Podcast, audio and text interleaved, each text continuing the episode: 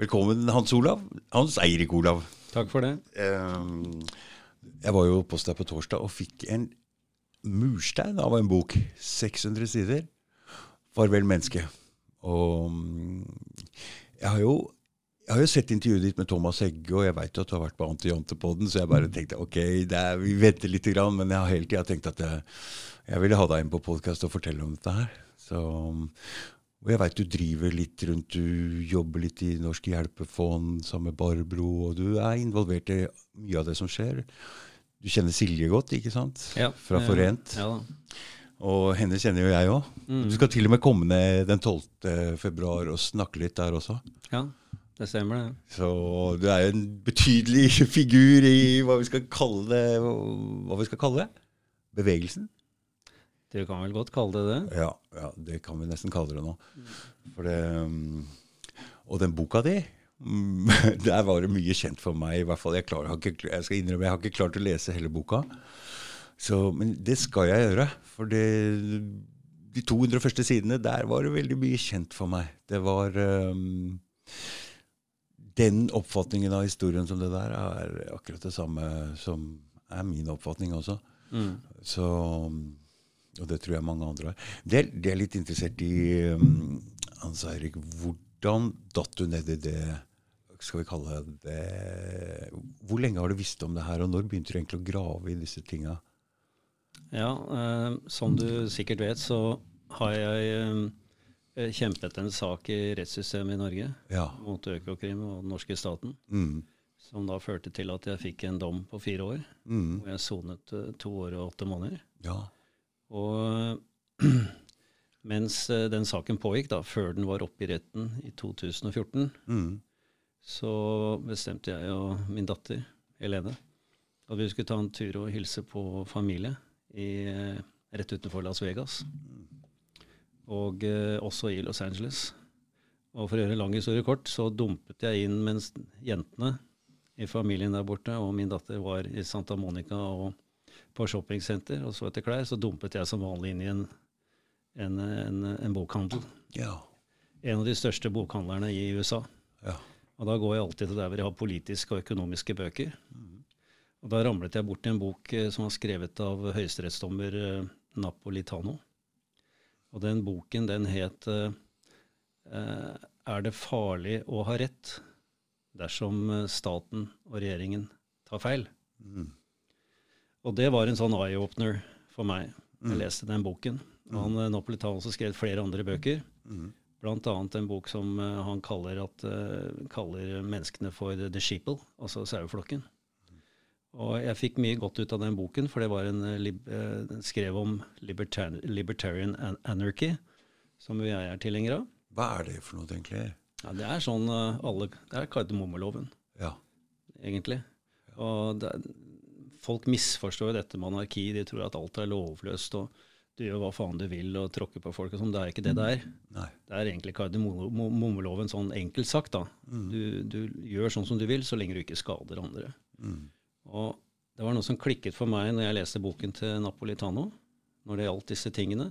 Dette med iboende menneskerettigheter, medfødte menneskerettigheter, med umistelige menneskerettigheter, var noe som klikket. Jeg har alltid skjønt at det har vært noe gærent med det samfunnet vi har bodd i. Mm. Og alltid vært på en måte en, en rebell. Mm. Eh, derfor jo, heter jo hjemmesiden min også Rebel Yell Publishing. Mm. Og det er Rebel Yell Publishing som har gitt ut boka. Mm. Mm. Sånn at uh, det klikket, klikket, for meg, og jeg, så, jeg, jeg gikk da tilbake i, i, bak i boken, og så leste jeg hvilke kilder han hadde. Og så begynte jeg å bestille de bøkene som mm. sto i kildehenvisningen. Mm. Så det er ikke internettgraving, men det er mye boklesing hos deg? Mye, mye boklesing. Mm. Jeg har alltid vært glad i å lese bøker. Mm. Og da sitter det mye bedre også, enn når du leser en bok, enn når du bare blafrer litt på internett. det er jo det, der jeg har vært. ikke sant? Mm. Det setter seg litt, men jeg er litt sånn ja, skummer ting og drar egentlig ting til meg litt uh, kjapt. da. litt sånn over, men litt overfladisk òg, da. ikke sant? Ja. Så det er der, eh, der, jeg ligger. Men altså, det, alt var veldig kjent for meg. Men, mm. men, det er masse ting jeg ikke forstår der òg, når du begynner å prate om ja, ja. Eh, derivathandel og sånn. Men dette skal vi gå litt inn for det der skjønte jeg ikke så veldig mye av. Uh, jeg veit kanskje sånn cirka hva det er, men uh, usikker, det, men du er jo liksom, du utdanna siviløkonom, ikke sant? Jo, det stemmer det. For det, du, fortalte jo en historie her oppe hvor du, ja, hvor du studerte i Miami. Ja da. Jeg, jeg studerte først uh, på University of Georgia mm. uh, utenfor Atlanta. Hvor jeg tok en såkalt bachelor da, i mm. økonomi. Mm i business. Var du så god i engelsk at du turte å dra dit og ta den utdannelsen, eller var det vanlig på ja. den tida? Jeg har jo uh, norsk-amerikansk far. Ja. Sånn at uh, Og jeg har um, opp, Gjennom oppveksten så snakket vi veldig mye engelsk. Mm. For det var uh, Stort sett når vi fleipa, så snakket vi engelsk. Ja. Og vi fleipa mye, jeg og faren min. ja. Så det ble mye på engelsk. Mm. Så jeg er bilingual, kan du si, da. Ja. Og jeg, I tillegg til det så har jeg også amerikansk pass. Mm. Oh, ja. Dobbelt statsborgerskap? Ja, det fikk jeg helt tilfeldig.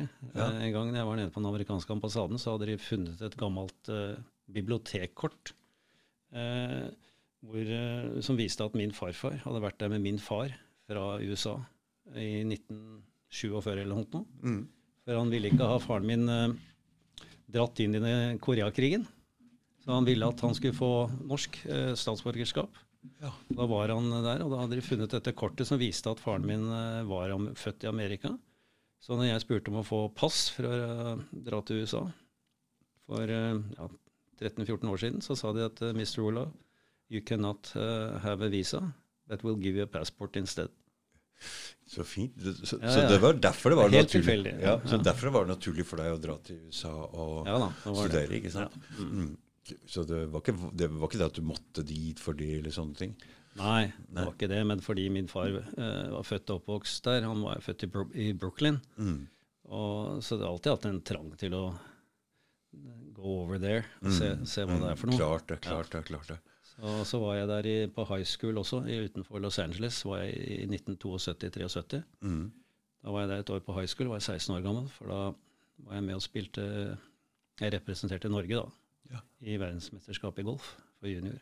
Når du var så ung? Ja. Oh, ja. det var meg mot røkla. Mm. Jeg, var, jeg, var med på det. Mm. Golf det er jo ballsport for litt eldre folk, egentlig, som ikke orker å løpe så veldig mye. Men, ja, det, er, det, er, det, er, derfor jeg har tatt opp igjen nå. som jeg har blitt... Du har gjort det, ikke sant? Ja, du må ta med meg en gang og lære meg dette her. For ja. jeg, jeg, jeg, har ødelagt ankelen min og er slutt på løping. Men eh, ball er moro.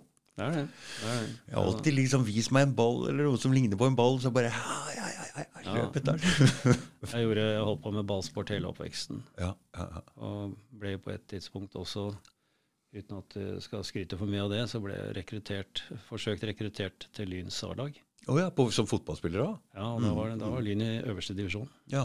Mm. Da snakker vi! Da snakker vi. Det var derfor du var så interessert når du så fotballbanen på baksida her. Hvem er det som spiller her? Jeg ser veldig lite på fotball. Ja, jeg gjør det, jeg mener ja. det. Men jeg, mm. hvis Real Madrid spiller mot Barcelona f.eks., så oh, ja. hender det jeg ser på det. Jeg følger med på sønnen min han, og hele tida. Han er 29-30 nå. Så, og så følger jeg med på Leeds. That's sitter Jeg sikker på noe annet. Leeds, ja. Ja, ja Leeds. Det må være moro igjen. ikke sant? De har jo vært helt nede i trea-nivå. Liksom, det har vært tungt å ha vært Leeds-fan, for å si det sånn. da. Var det ikke Lorimer? Ikke jo, jo, jeg kan alle deg Lorimer og Bremner og Billy Bremner. Ja. ja, ja, ja. Jeg husker det. Da. Alan Clark og George Nei, drit i det. jeg husker det ennå. Ja, de var gode, de. Ja, ja, ja. Da var det liksom storlag, og så var de nede igjen, og så sånne ting. Så Faren min har forresten spilt på Odd.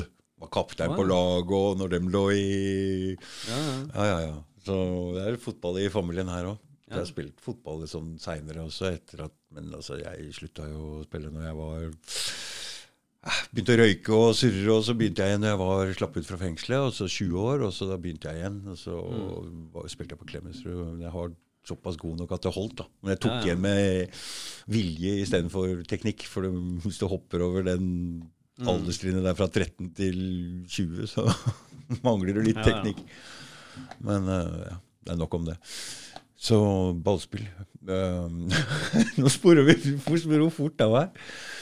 Men så, du, så fortell noe morsomt. For det, du kom til Miami, og det var litt spesielt, hva? Fordi du dro til Miami samtidig som mora di Ja, mor var jo, mor var jo markedssjef da, i Startur ja. eh, Unni Olav. Og hun var for øvrig den første som fikk uh, tittelen 'Businesswoman of the Year' oh, ja. i Norge i 1993. Da var vi med og feiret det. Mm. Og eh, det var på det tidspunktet hvor, hvor Starter skulle inn på det amerikanske markedet.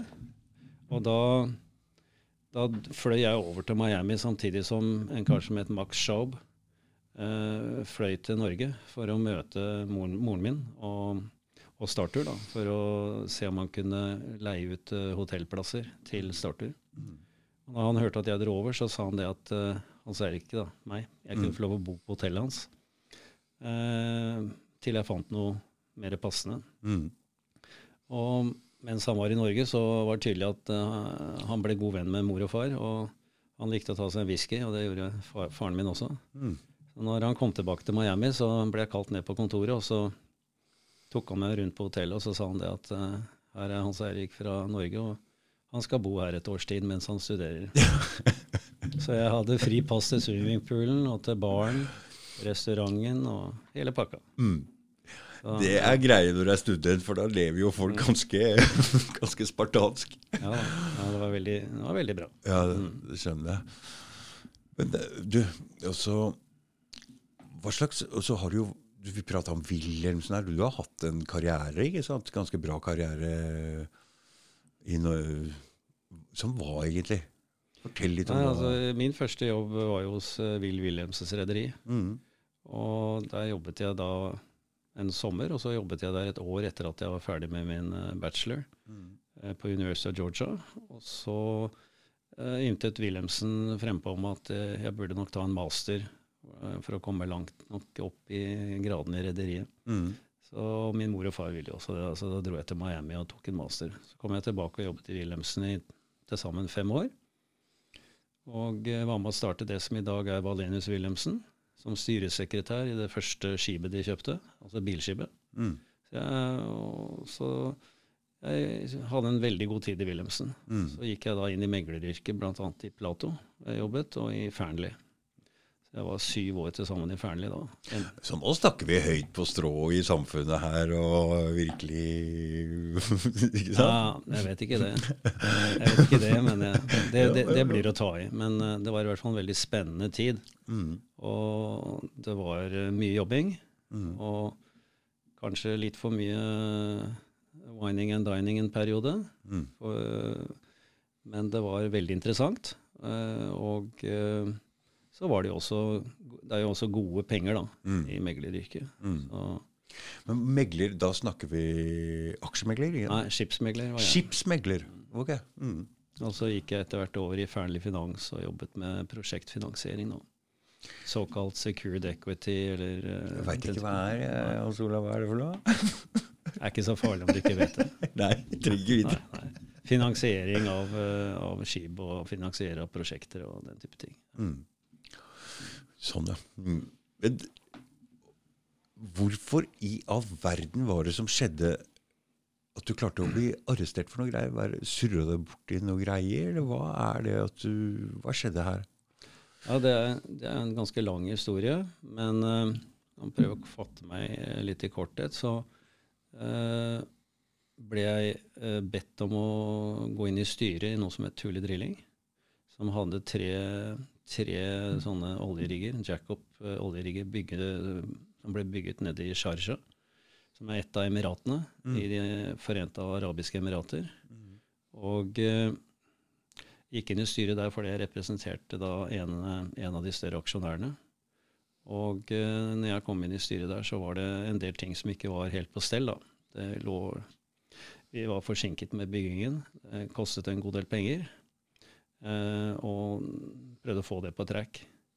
Og så viste det seg det at vi hadde inngått uh, tre fastpriskontrakter med, med et verksted som var eiet av noen briter som hadde lang fartstid i Emiratene, som viste seg å være ja, reinspikka kjeltringer, rett og slett. Ja. Og når, selv om vi hadde fastpriskontrakter, så ville de ha mer betalt for riggene. Og det viser seg etter hvert altså de, de, de stjal av, av de tingene som Tule eide der nede. Mm. Og drev med alle mulige krumspring for å tjene penger. Og når vi da satte foten ned, så dumpet de en svær sementblokk foran porten. Stengte yarden. Og så sa de det at eh, vi skal ha mer penger, ellers så kommer du ikke inn på her igjen. Og da var vi i en situasjon hvor vi hadde leiet ut den ene riggen. Den skulle på en lengre leiekontrakt til Saudi Aramco, verdens største oljeselskap. Og der var det en sånn penalty-klausul, som det heter. At for mm. hver dag du er forsinket på å levere denne riggen på kontrakten, så tror jeg vi tapte noe sånt som mellom 80 og 90 000 dollar per dag. Var det mafia, det der folka der, eller siden de kunne gjøre noe sånt uten å Hva slags system er, fungerer der nede? Eh, Hvis du kjenner prinsen, så er det, kan du gjøre alt, eller hva er det for noe? Du må i hvert fall ha en sponsor, mm. og det hadde ikke vi. En sponsor, altså en, du må kjenne en eller annen, ikke sant, som du smører litt? Uh, smøre ja, det, det, er ikke alle sponsorer som du trenger, uh, trenger, å smøre, selv om det sikkert foregår, det òg. Men mm. du må ha en lokal sponsor, uh, en sjeik eller en annen Riktig. person, mm. som, som, på en måte er med og støtter det du holder på med. Hvis ikke så går det ikke, ikke sant? Altså, vi, vi hadde jo kontrakter. Thule Drilling var jo et AS, og så mm. hadde vi riggeiende selskaper i en annen jurisdiksjon. Og så hadde bygget vi det i en annen jurisdiksjon der nede. Mm. Det ble et veldig sånn, Etter hvert ble det jo mye advokatmat, for å si det forsiktig. Mm. Men poenget var jo at når de først stengte den yarden, så hadde de ikke noe som het midlertidig forføyning. Midlertidig forføyning er at de kan gå inn og si at dere kan ikke bare stenge her. Tule må få lov å holde på, og så får vi løse tvisten i retten mens de bygger videre. Mm. Den muligheten hadde vi ikke. Nei. Så vi var stuck. Og så hadde vi mm. ikke noen sponsor. Disse engelskmennene var kjeltringer og hadde kjente Kreti og Pleti der nede. og hadde alliert seg med absolutt alle. Så de tenkte mm. sånn, vi, vi, møtte bare stengte dører. Mm. Vi var i en skikkelig problematisk situasjon, til tross for at vi hadde sånn sett, rett, rett, retten på vår side. Det hadde vi jo helt klart. Mm. Men eh, eh, mesteparten var kjøpt og betalt for mm. der nede. Og det ble et kjempeproblem for oss. Så det var det, som startet den konflikten. Og den korte historien er jo at for å løse opp det, så fikk jeg tak i en eh, amerikansk eh, venn av meg, eh, forretningsforbindelse, som hadde kontakter innad i den saudiarabiske kongefamilien. Mm, det er den veien du må gå, ikke sant? Og de gjorde en veldig god jobb for oss.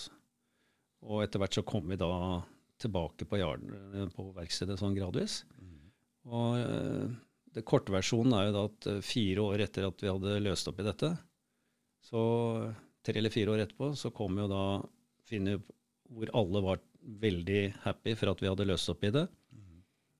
Eh, både kreditorene til Thule som, og aksjonærene eh, takket meg jo for den jobben som var blitt gjort. Og jeg, jeg, var jo med å styre den jobben. og det var Du sto opp med disse problemene tidlig om morgenen og la om kvelden og tenkte på hvordan du skulle prøve å løse opp i det på kvelden. Mm.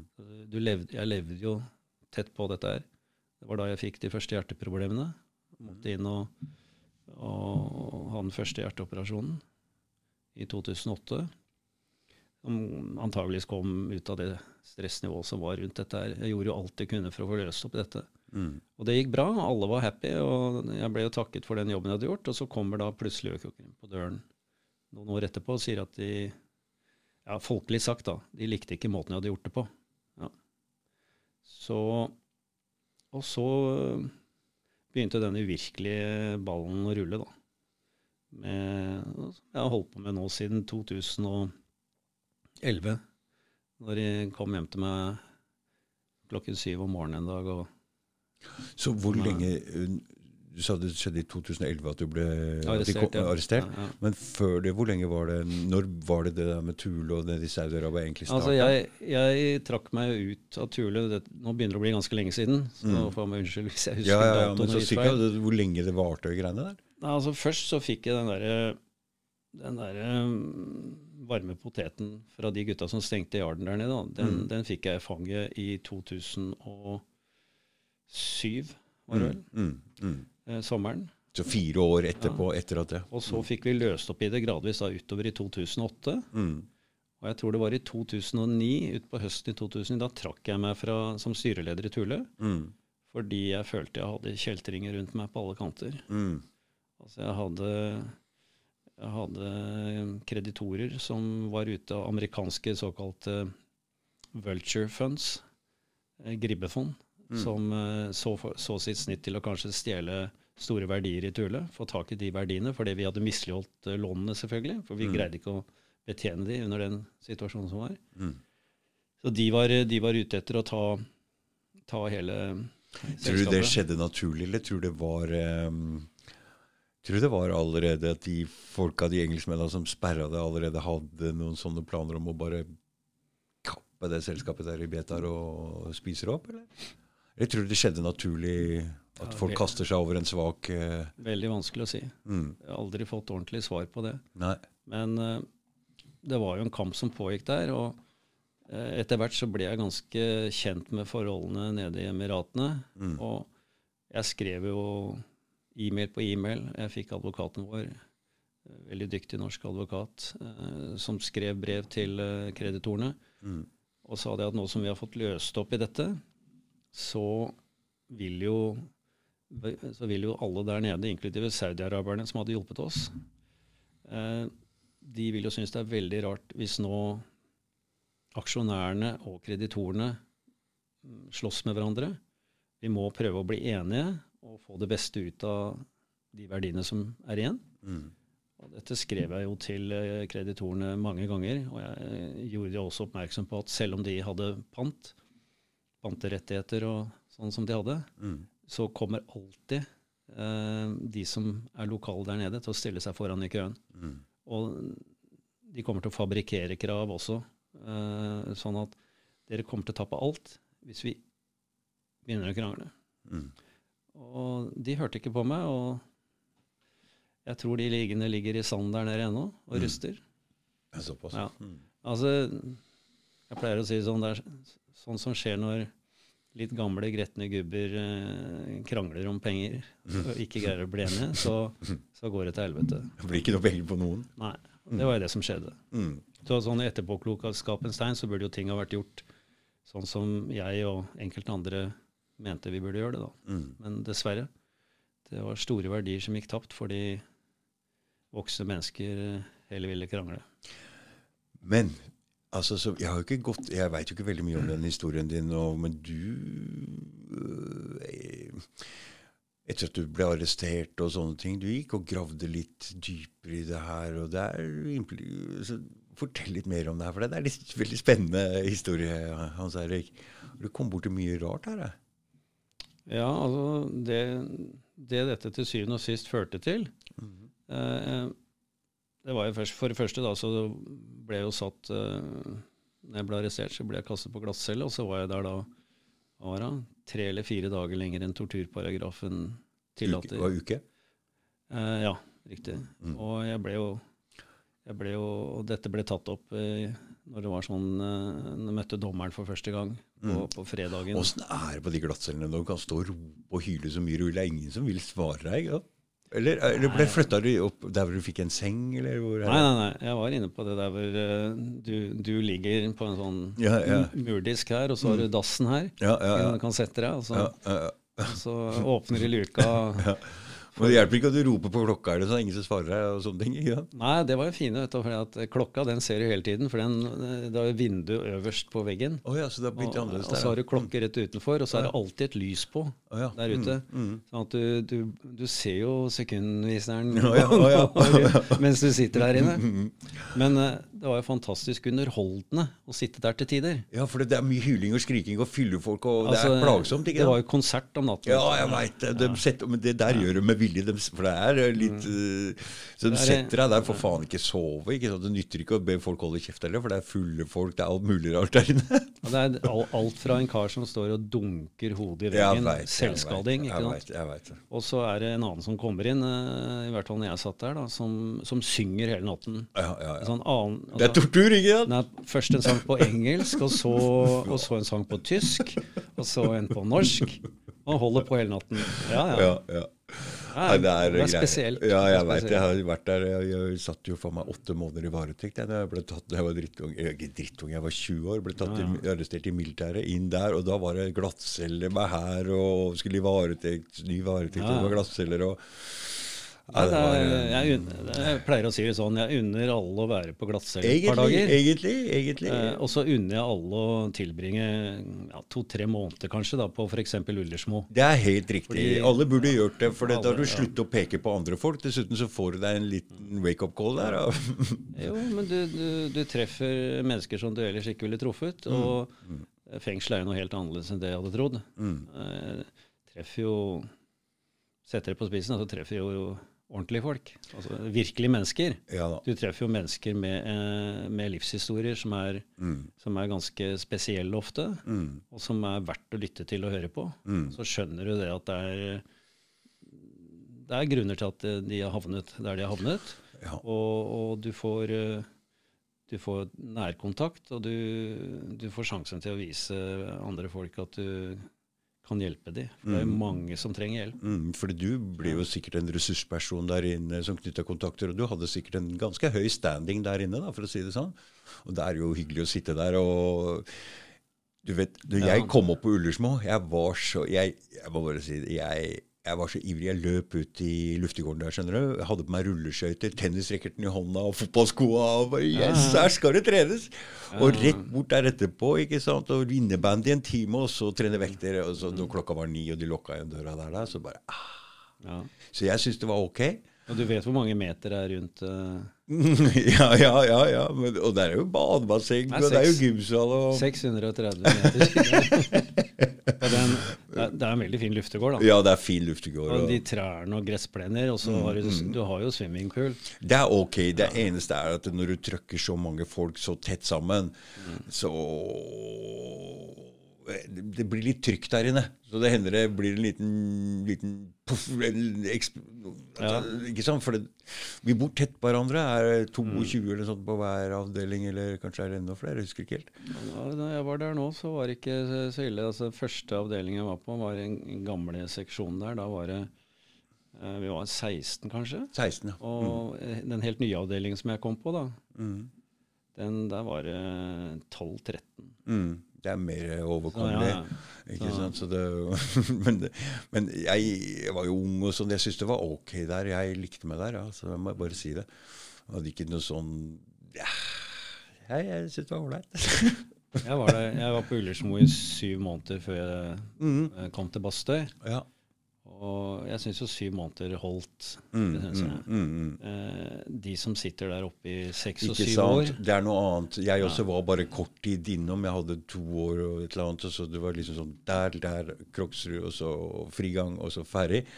Veldig vanskelig, tror jeg, å komme tilbake til samfunnet når du har sittet så lenge ikke sant, ikke sant. Og, og lukket uh, det er, sted. Det er helt sint. For det, det er helt ålreit der oppe, mm. men tida Hvis du skal sitte der lenge Altså det, det, er, eh, så, Nei, det, er veldig tøft. Og det er jo det som er noe av konflikten der oppe. Og så det sitter folk som sitter lenge, ikke sant? så kommer det noen inn og skal bare sitte der lite grann og driver og maser og lager styr og sånn. og så da blir du ja. det blir litt sånn irritert på de folka. Så det er vel ikke Men jeg fikk, eh, jeg fikk gode venner. Mm. Jeg syns det Det er ikke noe hyggelig å sitte i fengsel, selvfølgelig. Og du blir jo, sitter jo på cellen en god del av tiden. Mm. Men eh, det positive var jo de menneskene jeg traff. Mm. Jeg har hele tiden sagt det. I det miljøet der så fins det helt fra de mest surrete folka til de mest helt kule, seriøse, ordentlige, ordentlige folk. Mm. Det mener jeg. Ja. Selv om de sitter for altså, ting som er ulovlig, eh, så er det ordentlige folk. Ja. Med ordentlig moral. Ja, det, en, eh, det, jeg fant ut, da, er at eh, hos de aller fleste mm. så er det en historie bak dette her. Og mm. den er verdt å høre på og lytte til. Mm. Så uh, gjør du det, så skjønner du at uh, det er ikke så annerledes enn Nei. enn oss, alle oss andre nei, det det, som har vært så heldige. Og, ja. Fordi det, og det morsomme Jeg satt jo sammen med han derre Hva er heter han der største skipsrederen? Fredriksen? Oh, ja. ja satt på, da satt jeg på brevbesøk besøksforbud, drittunge, jeg. ikke sant, og drev og lufta sånne små båser nedpå der. Og han satt der, der jeg tar, Han sa sånn jeg, Faen, jeg har jo ansvaret for mange folk. Jeg tenkte han der spritsmugleren der, tenkte jeg. Men det var det jo ikke. Da hadde han drevet med noe sånn derre er kjørt på noe sånn derre oljebrukt noe, ja, den saken der. Altså, han ble jo Han ble jo tiltalt eh, for å ha stjålet av bunkersen. Ja, det var det. Ja. Det var det der greiene der. Mm. Men uh, jeg visste jo ikke at det var han der ennå. ja, men han kom ut av det med, mm, i, med, mm, mm, i behold, han. han mm. Men der, han der tjente seg noe penger, akkurat som han Onassis gjorde. Fikk lov å kjøre olje under Irak-Iran-krigen som den eneste megleren? Eller som den eneste shippingfirmaen, var det? Ja, Det vet jeg ikke. Nei, det Onassis også under en annen krig. skjønner du, Tjente seg masse ja, søkkrik. Eneste fikk lov å kjøre uten at de mm. Jeg vet ikke. Det, men et eller annet kontakter er det vel. Fredriksen har vært veldig flink. Mm, mm. Det er ikke noe tvil om det. Mm. Så sånn var fengselet. Det var litt om fengselet. Så det, mm. det er en ok erfaring. Og hva syns du om Bastøy? Eh, veldig fint. Ikke sant? Eh, veldig bra. Mm. Det er det var helt merkelig å komme dit, på en måte, for du blir jo kjørt ned i en bil hvor du må sitte inne i et bur, og du blir, opp, du blir på en måte behandlet som du er en apekatt. ikke sant? Mm. Så, så, kommer du ned dit, og så slipper de deg ut på kaia der mm. for å dra over. Og der var jo ikke den båten som skulle ha deg over, kommet ennå. Og da bare stakk de folka fra Ullersmo. Ja. Da sto du på kaia der, da mutters putt alene i det fri, ikke sant? Ja, ja, ja. Og ventet på at det kom en båt og henter deg og kjører deg ut på Bastøy. Ja. Det er en merkelig, merkelig følelse. Mm. Men Baste er jo veldig, veldig fint. Ikke sant. Ja. Jeg har bare hørt om det, men det er jo ja. Nei, jeg, jeg, har vel gått rundt den øya der en 300 ganger. Ja. jeg kan den øya. Mm. Ja, jeg har hørt mye bra om det. Så, og, det er før, og så var det over på en sånn, sånn frigangssoning da, etterpå. ikke sant? Jeg kom til uh, elevator. Der har jeg vært også som ja. ung. Jeg sitter, vet du, jeg sitter både på elevator og Arups gate og, og, og, på Hva heter det der oppe? Ja, tredje sted også. Alle tre. ok, det visste jeg ikke. Ja, ja. Nei, da, på, sånn er det når du er flink gutt under soning. Da får du den Ja, Frelsesarmeen, eh, som du vet, ja. mm. styrer jo elevator. Ja. Mm. Og der var jo hun Helene Sjekkerin. Ja. Mm. Så det er et pro program eh, med Helene Sjekkerin hvor jeg oh, ja. har en av Hun har vært her, vet du. Ja. Hun er oppvokst i gata her, vet du. Mm. Nei, Du får sjekke den der episoden med Helene Sjekkerin på ja, Der er jeg med. Ja. Og da er datteren min også med. Mm. Så Nei, altså Elevator er jo veldig ålreit. Og mm. snille, veldig snille, mm. Eh, omtenksomme, omsorgsfulle mennesker som jobber der. Mm. Så, det var absolutt bra. Da fikk jeg etter hvert min egen lille hybel. Og, og så jobbet jeg jo på golfbanen på Haga. Mm. Det var derfor jeg fikk uh, frigang. Mm. Ja, For du må ha jobb, ikke sant? Eller skole? ja, å... Så jeg sto jo opp kvart over fire om morgenen. Og ja. så sykla jeg til T-banen, tok første T-banen oppe fra elevator da, til uh, Østerås. Og så syklet jeg ned til uh, golfbanen, mm. uansett vær. Mm. og så ut på jobb klokka seks, og så ferdig ferdig i tretiden. Mm. Og så var jeg, måtte jeg være tilbake tre-halv fire-tiden var jeg ferdig, så hadde jeg en ordning sånn at jeg kunne spise. Jeg, jeg jobbet for maten da, på mm. Mm. som også var veldig snille, som ga meg den jobben. Mm. Da spiste jeg gjerne jeg spiste gjerne middag da på Haga. Og så, nå som jeg er ferdig med hele spetakkelet, så kan du vel si at jeg snek meg til å slå et par boller av og til. ja, for det er det ikke. Før Jeg kan ikke, kan ikke, gå i detalj på det. Nei, nei. Men uh, før jeg da syklet opp igjen til uh, T-banen og kom meg hjem, og så sjangla jeg inn på elevator mm. sånn i seks-halv syv-tiden, syv-tiden. Mm. Da var det egentlig bare å spise og legge seg, for jeg skulle opp klokka fire. Mm. Uh, inntil da jeg sa til kona at uh, Hun mente jeg hadde gått av trimmen. Mm. Inntil jeg sa til henne at du er jo jeg er liksom 63 nå.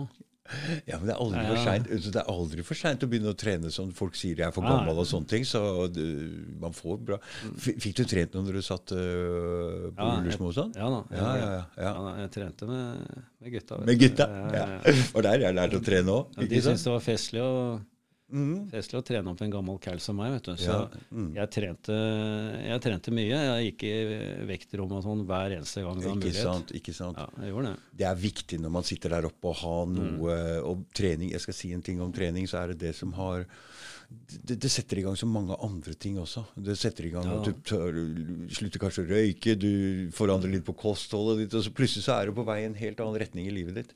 Ja, nei, altså, Jeg har jo hatt masse hjerteproblemer, og jeg hadde hjerteinfarkt rett før jeg skulle inn og sone. Mm. I, I, november 2017. Mm. Begynte soningen 4.1.2018. Mm. Det tar lang tid, hva? Hæ?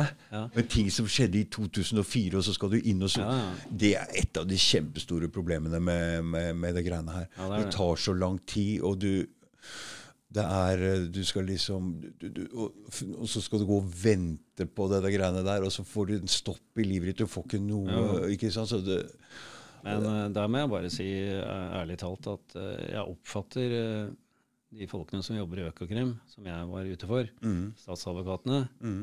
det er en helt spesiell mennesketype. Okay. Mm. Jeg oppfatter at det, eh, det, er en del av gamet de spiller, mm. om å gjøre å plage deg så mye som mulig. Mm.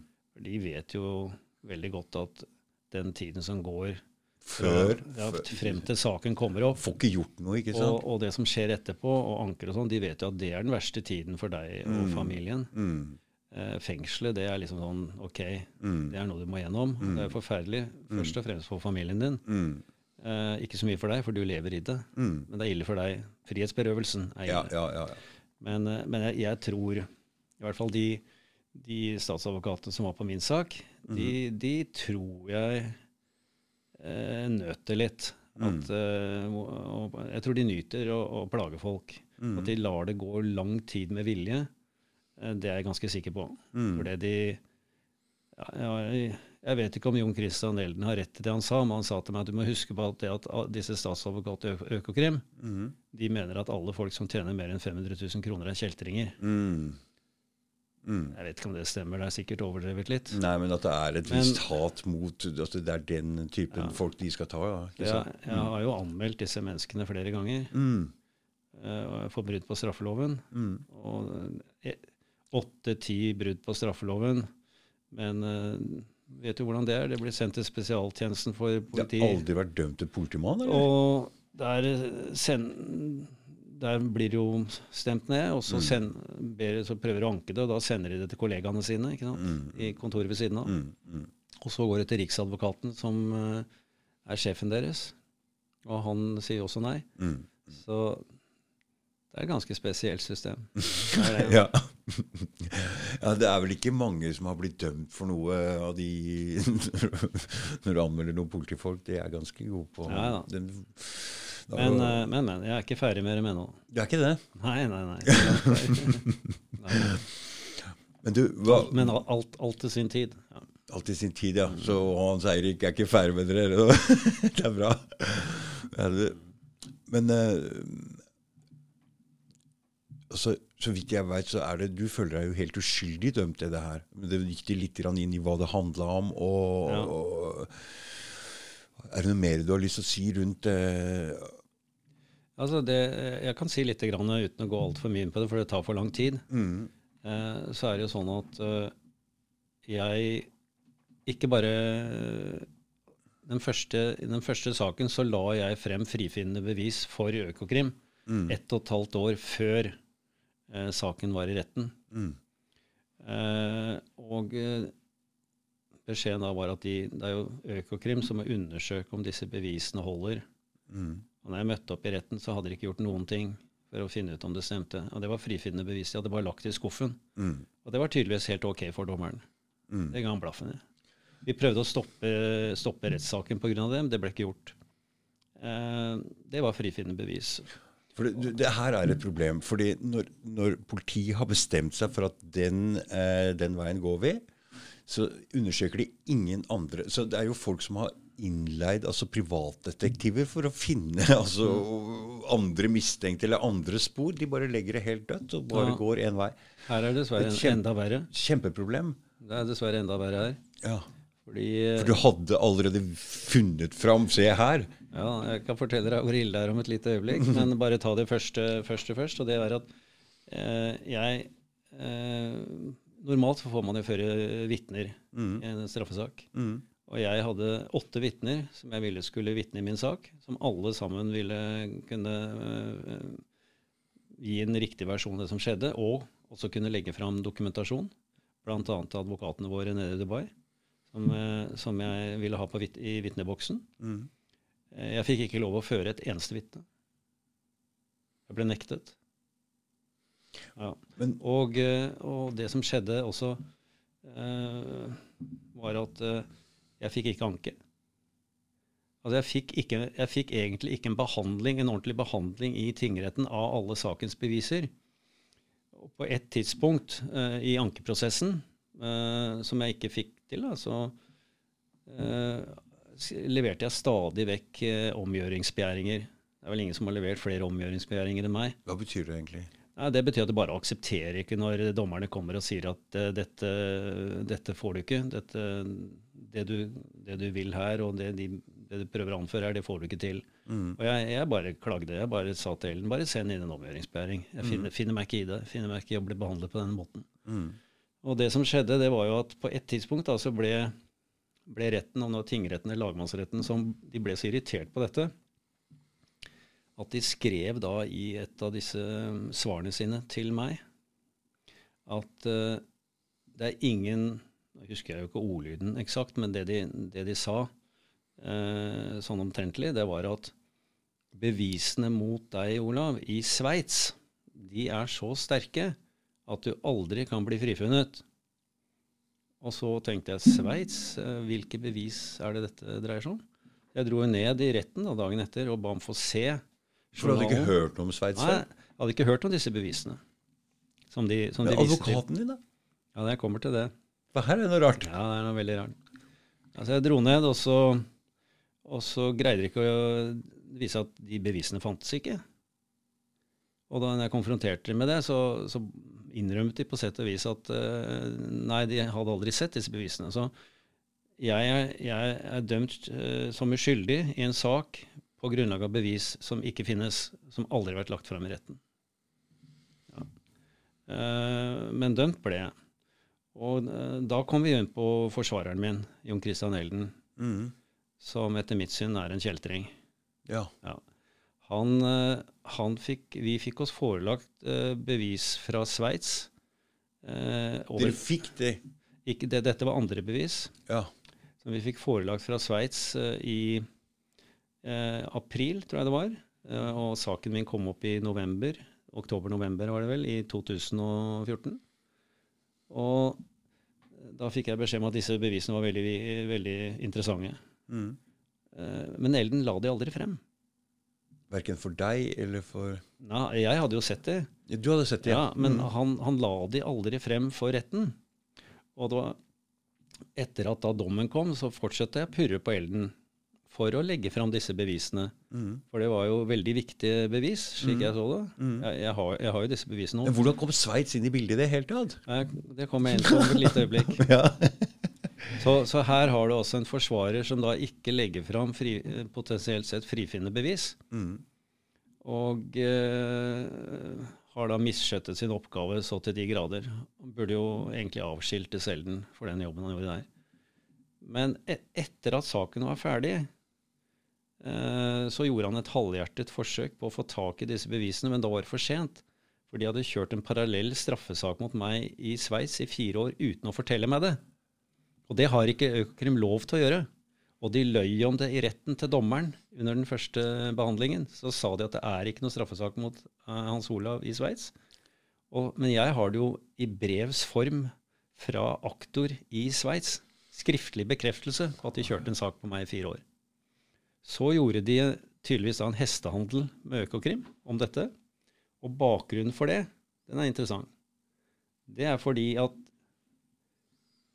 Eh, ja, For det må jo være en grunn. Det er noe her, ikke sant? Det er noe her, ikke sant? Ja, det er, det er eh, her, her, kommer rosinen i pølsa. Eh, jeg hadde på et tidspunkt bankkonto i Sveits. Ja. Og den bankkontoen den har blitt brukt til å hvitvaske narkopenger for Gjermund Cappelen. For Cappelen, ja. Mm. ja. Jeg, tiltalen kom hjem til, til meg og kona når var det? I to... Er det det ble, Men ble du dømt for det, eller? Nei, nei. Nei, nei, nei. nei, nei, jeg, jeg, nei altså, når jeg fikk tiltalen mm. uh, i 2000 og, 2014, vel, mm. uh, et halvt år før saken skulle i retten, så sitter jeg og leser tiltalen, og der står det bl.a. at, at om disse er 1,5 million kroner som har blitt uh, brukt som Gjermund Cappelen, som hadde blitt vasket da i forbindelse med Gjermund Cappelen. Og så roper jeg opp til kona eh, Det er en kar her som heter Gjermund Cappelen. Jeg har aldri hørt om før. Kan du sjekke på nettet hvem det er? Og så går det et par minutter, og så roper eh, kona ned Å, fy fader! Er du helt vill, ikke sant? Mm. Han er jo kjempekriminell. Ja. Det var første gangen jeg hørte mer om Cappelen. Men det som viste seg, da, det er at jeg satt jo med bevis for at ikke bare var mine, min konto brukt for å hvitvaske narkopenger for Gjermund Cappelen, men uh, ganske mange andre investorer. Altså, men Var det en død konto som du ikke brukte noe særlig? eller hva, hva, hva, hva? Den, den, kontoen den, opp, den, fikk jeg opprettet i forbindelse med en jobb jeg hadde tidligere. Ja. Så den, Det er ikke noe mysterium rundt den. Eh, den Nei. har ikke vært noe stor issue, egentlig. Nei. Men poenget er jo det at det er jo ikke bare Gjermund Cappelen eller bare min konto som har blitt brukt til å hvitvaske penger for Gjermund Cappelen. Nei.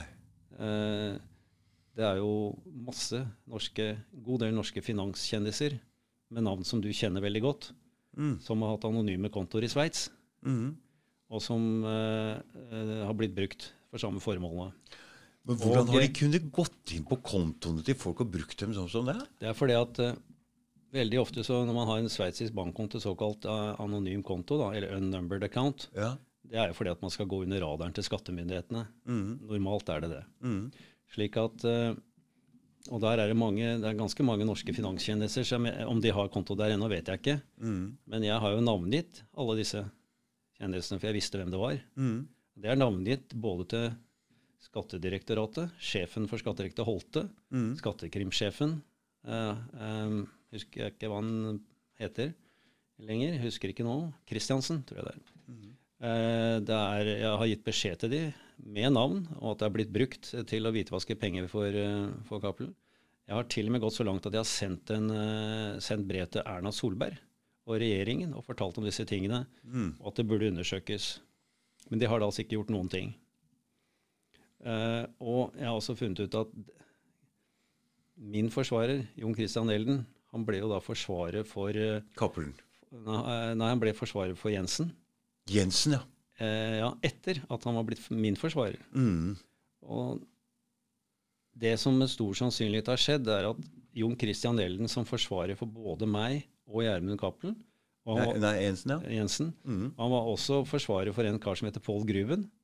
Som var bank, en av bankforbindelsene, bankkarene, eller finanskarene, som Gjermund Cappelen brukte. Mm. Eh, som også eh, fikk en dom. Mm. Eh, Jon Christian Elden har hatt en, eh, det du kaller for en conflict of interest. Mm. Han har hele tiden måttet sitte og veie eh, bevis i min sak kontra mm. bevis i Jensen-saken. Mm. mm. For å, og jeg antar at uh, han har Der har jeg trukket det korteste strået. Mm.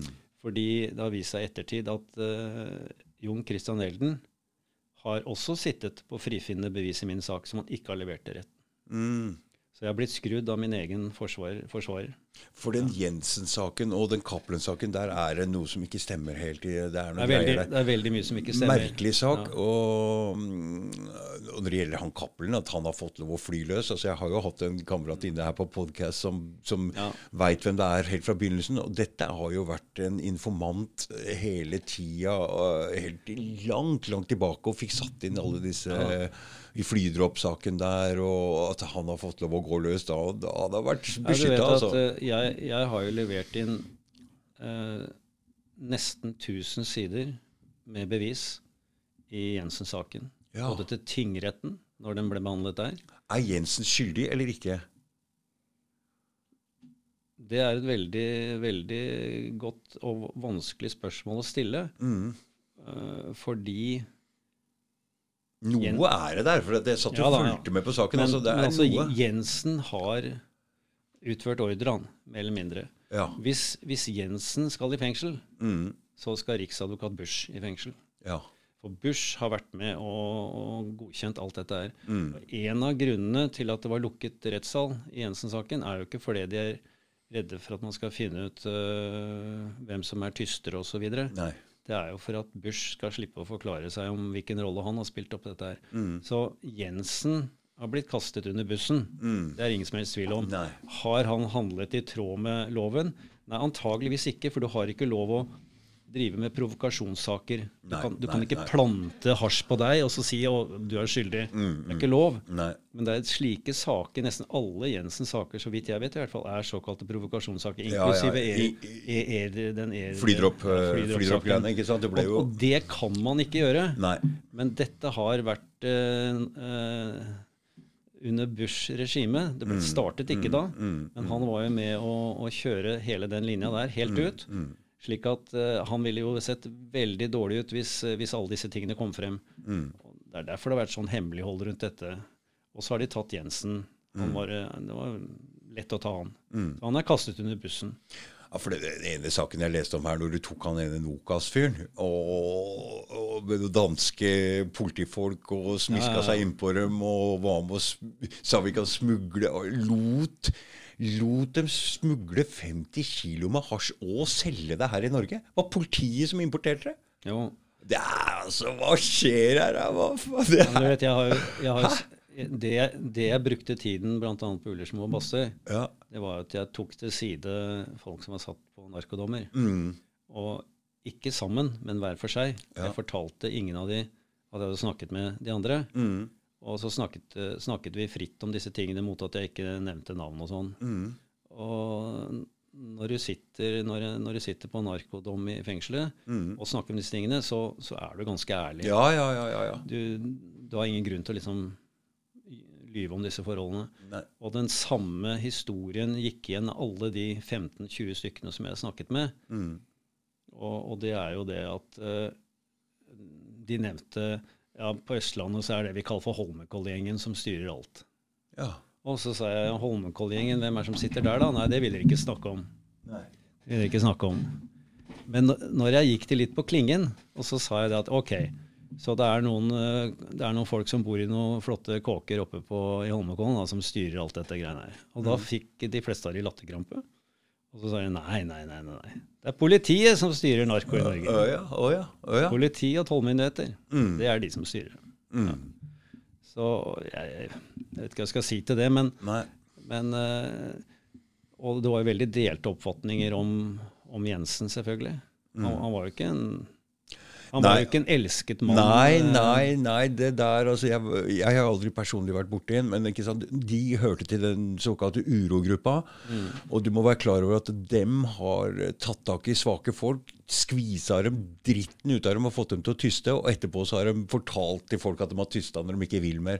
Ja. Altså, De har brukt folk, stakkars folk. De har vært, ja, altså, de er slemme, da. Ja. Rett og slett slemme. Men, sånn har det vært. Uh, og, så jeg, jeg har ikke noe sympati med han over at han sitter ja. der oppe. Men uh, om han sitter uskyldig eller ikke, jeg vet ikke. Nei, altså, jeg har jo anmeldt, uh, jeg har anmeldt tror jeg anmeldt riksadvokat Bush også. Jeg tror mm. jeg gjorde det på et tidspunkt. Altså, i, slik jeg ser det, så er dette hele Jensen-saken er en stor dekkoperasjon ja. på hvordan narkotrafikken drives i Norge.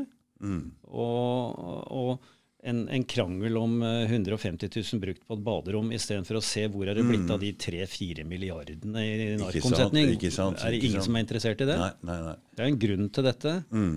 Og, eh, og det, det, morsomme var at med en gang Cappelen eh, ble borte, mm. så sank prisene. Ja. Da sank prisene på hasj noe voldsomt. Så ja. det er mulig de, mm. at det, noen spiste av det lasset hele tida. Ja. Det er jo det er en grunn da, til at uh, et av hovedvitnene i politimannen i, i Jensen-Cappelen-saken plutselig blir sendt uh, omtrent på andre siden av jordkloden etter at saken er ferdig, oh, ja. for å mm. drive med noe spesialoppdrag og sånn. Oh, ja. mm. altså, dette, hele Jensen-Cappelen-saken er en eneste stor dekkoperasjon for hvordan uh, riksadvokat Tor Aksel Busch sitt narkoregime og hvordan man skal ta og komme narkotikaen til livs i Norge, har foregått. Mm. Det er det det dreier seg om. De det er en dekkoperasjon fordi de har drevet med provokasjonsmetoder mm. som er ulovlige. Mm. Og jeg har selv snakket med folk som har sittet inne for narko 15-20 år, mm. som er dømt pga. provokasjonssaker, som aldri skulle sittet i fengsel. Nei. Aldri. Jeg har en liten idé hvordan dette foregikk. jeg, um, Den første store hasjsaken i Norge, da arresterte dem 60 stykker. Mm. Det betyr de tok hele kartet sitt. Mm. De ødela hele kartet sitt. Neste gang det var det noen jeg kjenner, som ble tatt. Da røyk det bare fire-fem stykker. Så lot de alle de små stå igjen, alle kart hele, mm. Så da hadde de kartet. Fordi de liker å vite alt. Så jeg kan tenke meg det utvikler seg derfra til at de tok alle. De tenkte at det mm. der var ikke smart. Nå må vi begynne helt på nytt med å kartlegge hvem er mm. hvem, og hvem som driver med alt. For det, det ødela det. Mm. Så etterpå så har de sikkert vi Stoff er der uansett. La oss i hvert fall vite hvem ja. som driver med hva, ja. Eh, sånn at vi ja. har oversikt. Jeg tror det er der uh, den utviklinga har vært. altså. Mitt, mitt, syn på det er at uh, Jensen uh, sitter der som den som har måttet ta hele skitten. Mm. Og han har jo da brutt loven, slik jeg ser det, fordi det er provokasjonssaker. Men alle disse sakene har jo vært godkjent på forhånd. Mm. Det er ikke sånn at Jensen bare flyr rundt og uh, planter 450 kilo hasj der og 300 der. Mm. Og så, For de vil ha bort noen ja, folk, og så ja. vil ha noen folk Nei, der, ikke sant? Så de kan kontrollere. Dette her, er, dette her er godkjent høyere opp. Mm. Og jeg skjønner godt at Jensen uh, føler at han er kasta under bussen, for det er han. Og nå prøver han sikkert å holde det korta der, sånn at han skal prøve å komme unna med å lage en deal. ikke sant? Hvis ikke så hadde han jo blåst alt sammen. Ja, Men han har gjort en feil. vet du. Han har jo gått tilbake til å bruke Jon Christian Ellen. Ja. Og etter min mening så er Jon Christian Elden plassert der nettopp for at Jensen skal tape saken. Mm. Ja, Jon Christian Elden er etter mitt syn tvers, en del av systemet tvers der. igjennom uærlig advokat. Mm. Tvers igjennom. Mm. Ja. Det, et, det, finnes ikke en ærlig strek i den mannen i det hele tatt. Han har holdt tilbake bevis i min sak som er frifinnende. Mm. Og jeg, jeg, er ganske så sikker på at uh, han er Han er på en måte hva skal vi si, aktors alibi da, mm. i forhold til Jensen, og også i mange andre saker. fordi at mm. du kan ikke begynne å klage når du har hatt Norges beste forsvarer. Nei, men det, det, er en annen ting med advokater. og Første gangen jeg var bare 20 år der. og da satt jeg, jeg tenkte her er det ikke vits i å prate noe særlig til å begynne med, så jeg gikk ikke i avhør. Så jeg kom, til, til slutt så gikk jeg til advokaten min med tre forskjellige forklaringer. Så jeg, hvem skal jeg ta? Hun sa ta den der! så, så, liksom de, de, de, beveger seg hele tida på grensen av løgn og sannhet og vil hjelpe. Uh, klienten sin mest mulig. Men det er ikke mye altså det er ikke noe, Du forteller sannheten her. Det er ikke noe sånn, det er ikke der det foregår. Ja, Elden er jo, Elden er jo frimurer. Ja. I mm, niende mm, eller tiende grad. Mm, mm, mm, Han prøver liksom å bagatellisere det litt. Grann. Mm, Og eh, jeg tror han tar uh, sin ordre, populært sagt, fra Lorsgutta. Mm, mm. Jeg tror han blir plukket ut når det er saker som mm, eh, de mm. vil skal gå i en eh, helt spesiell retning. Mm, mm. Der, Fordi de vil kontrollere hva som foregår her, ikke sant? Ja, selvfølgelig. Det kan jo være til det beste, men du har blitt kasta under bussen her, så jeg skjønner at du altså, men altså, Vi har jo et, vi har et, to, ja, ja, ja. to, et todelt domstolssystem i Norge. Hva betyr det egentlig? du? Det betyr det at det er enkelt gjennom den såkalte uh, Hva er den heter for noe?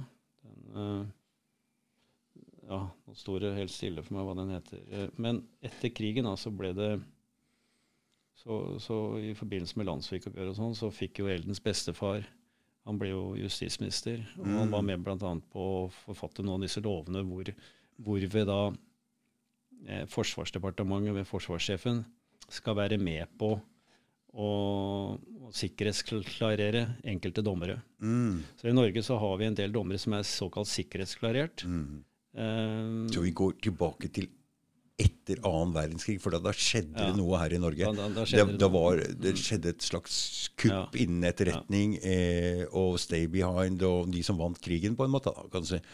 Ja, altså, Akkurat de operasjonene der er, er på en måte litt i en annen skål kan godt hende det henger sammen. Mm. Men saken er jo det at uh, gjennom, uh, gjennom, disse lovene, uh, sikkerhetsforskrifter og den type ting, mm. så er det jo sånn da at sorenskriveren han, han, bestemmer hvem som skal være sikkerhetsklarert for sin rett, tingretten, og så har du den øverste lagmannen bestemmer hvem som er sikkerhetsklarert for sin rett. Mm. Og Det er ikke slik et domstolssystem skal fungere, for da får du et todelt domstolssystem hvor du har en, en, del av domstolen hvor det er sikkerhetsklarerte dommere, mm. som er en egen klasse. Mm. Så har du de andre dommerne som da ikke er gode nok eller stoler du ikke nok på de til at de kan få alle saker. Mm. Og det er en, Et domstolssystem så skal det være sånn at dommerne skal være en ensom person. Alle mm. dommere skal være veldig ensomme. De skal ta hvilken sak som helst. Mm. Det skal ikke være noen som er bedre egnet enn andre. Mm.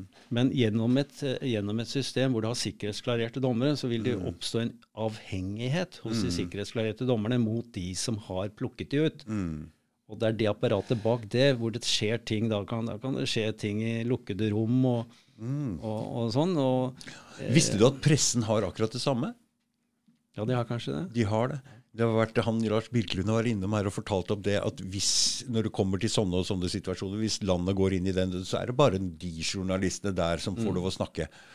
Da er det sikkerhetsklarering her også. Ja. De er peltet, så det er mulig det hører til akkurat det samme systemet. ikke sant? Det ordet jeg lette etter, var beredskapslovgivningen. Ja. De kaller disse tingene De skifter navn på det, skjønner du, litt mm. av og til, mm. og gjør litt om på det. Mm. Men dette ligger rett under nesen på, på, på, på det norske folk, mm. disse bestemmelsene. Og det betyr jo i praksis da at du har et todelt domstolssystem. Mm. Og det ene domstolssystemet det kan da potensielt sett brukes av folk som sitter og trekker i tråder på bakrommet, yep, yep, yep. Som, som, vil kjøre en spesiell sak. Mm. Enten det er politiske eller økonomiske grunner, eller, eller det f.eks. er en frimurer som skal beskyttes, f.eks. Mm. Mm, mm. Sånn at dette skal ikke forekomme i en rettsstat. Mm. Det er ikke sånn Nå begynner jeg å få litt hva, hvor, hvor, folk mener at Norge er så korrupt og sånne ting. For det, det er så lett å misbruke den beredskaps... Kan du si den, den, Hvis vi går inn, Norge går inn i en sånn mm. greie, så må vi ha en sånn eh, folk som styrer, og så er det så lett å misbruke det. Ja, ikke sant? Ja. Til hva som helst. Ja, da, nei, altså, alle, De fleste nordmenn går rundt og tror at Norge er best i verden på rettssystem. Mm. Men jeg har sett såpass mye av rettssystemet i Norge, og jeg har satt meg såpass mye inn i hva dette todelte domstolssystemet kan gjøre, hvis det ønsker å gjøre det. Mm. Jeg er ikke i tvil om at Norge har et av de mest korrupte domstolssystemer i hele verden. Mm. Det, er som, noe, det, er ikke noe, å lure på. Det er veldig morsomt, for jeg får jo inn folk her på podkast som har fått seg en karamell og slår tilbake. Altså. Så, så, det er veldig fint at de tar folk som det er store ressurser i, og, for da får vi virkelig blåst opp sett på en del ting. Så du skal jo Ja Nei, jeg vet ikke. Men, um, Nei, men jeg, ser det, jeg ser det jo med din uh, Altså, jeg har, jo, jeg har jo blitt avlyttet. Jeg har blitt overvåket. Mm. Jeg har mottatt trusler. Ja. Hva slags eh, trusler da? Nei, første gangen var jo jeg, et par måneder før jeg ble arrestert i 2011. Mm. Så hadde jeg vært veldig kritisk til bostyreren i Tule Drilling. Det, det, gikk jo konkurs et års tid, års tid, etter at jeg ga meg som styreleder. Mm. Jeg orket ikke sitte der med kjeltringer på alle kanter, så jeg trakk meg ut. Og da, da hadde jeg vært veldig kritisk til bostyret og hvordan han, hvordan han eh, ja, forholdt seg til aksjonærfellesskapet og kreditorene. Du, en bostyrer, er det som kommer inn for en uavhengig ting utenfra og skal styre boet, eller er det den som blir valgt Nei, ut? Det er private advokatfirmaer som kommer inn og styrer boet. Mm, men de, Er de valgt ut av uh, staten, på en måte, eller er det de, er det, hvem er det som velger ut de? Det er jo egentlig domstolen som, eh, domstolen. som mm, til syvende og mm, sist mm, plukker ut bostyreren. Men, ja. men det er også hvis vi skal begynne å røske opp i korrupsjon, så bør man eh, selvfølgelig ta tak i bostyrerrollen i Norge, for der er det mye rart. Mm. Eh, de er, altså Advokater går jo ikke inn som bostyrer et sted, eller de fleste i hvert fall går ikke inn der. Og det er noen som er blitt eh, eksperter på det, mm. bl.a. Ro Sommernes, som var bostyrer i Tule. Mm. Dette er korrupte folk. Mm, for her er det mye, her er det mye å grafse til seg. Ja på en også, billig måte. Og så kan jeg vel utfordre da Ros Hommernes her på direkten at hvis de mener at jeg nå har, har um, hva heter det for noe, sjikanert eller sagt noe som ikke stemmer, så får de dra meg til retten. Da, så kan vi grave. så kan vi kjøre hele saken på nytt. ja, ja, Nei, ja. Det, dette, dette, her er det som på godt, godt amerikansk kaller for sleasebags. Altså. Mm, mm. Det er det laveste du kommer ned i bøtta. Mm. Disse menneskene som sitter i disse advokatfirmaene og holder på med dette. Mm. Ja.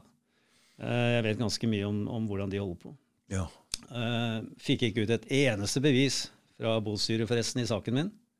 Altså, Ro Sommernes har kontoret steinkast fra Oslo tingrett. Mm. Og jeg fikk altså ikke lov å få til, tilgang til beviser de satt på i saken min, for å legge fram i retten. Jeg ble nektet. Nektet all bevistilgang. Men du, altså, det, det, det, skal jo ikke skje i, i et, et, demokrati. Men jeg skjønner ikke helt ja. hvorfor du blir kasta under bussen. Nå hører vi at kontoen din ble brukt. Eh, var det disse bevisene de hadde i den saken som du ikke fikk se, om at det var penger ut og inn av kontoen din i Sveits, som gjorde at du ble nei, dømt nei nei. nei nei, Jeg ble oppringt etter at jeg slapp ut fra varetekt. Mm. Uh, så ble jeg oppringt av uh, Jeg vil ikke si mange, men jeg ble oppringt av en håndfull, kanskje litt flere advokater, mm. som jeg ikke kjente engang. Som ringte til meg og sa til meg det at uh, vi har sett saken din, og den er, den er ille. Du skal vite det at her, er, her har noen rotta seg sammen mot deg. Og grunnen til det er fordi at du lager for mye støy i forhold til boprosessen i Tule Drilling. De vil ha deg bort fordi du har stor troverdighet, for du har vist at du kan ivareta både aksjonærene og kreditorenes interesser. Mm. Og nå lager du bråk overfor bostyreren i forhold til hvordan han disponerer mm. eh, boet. Mm. Og det vil de ikke ha noe av. Nei. Så de har bestemt seg for at du skal tas. De vil ha deg bort. Mm. Det, var den, det, var den, forklaringen jeg fikk. Mm. Og jeg tror den er ganske riktig. Mm. Jeg, jeg, fikk jo en advarsel, da. Mm. Var, du snakket om dette med trusler. Jeg var ja. ute og gikk tur med bikkja. Jeg hadde en schæfer på det tidspunktet. Mm. Bessie, veldig flott uh, tispe.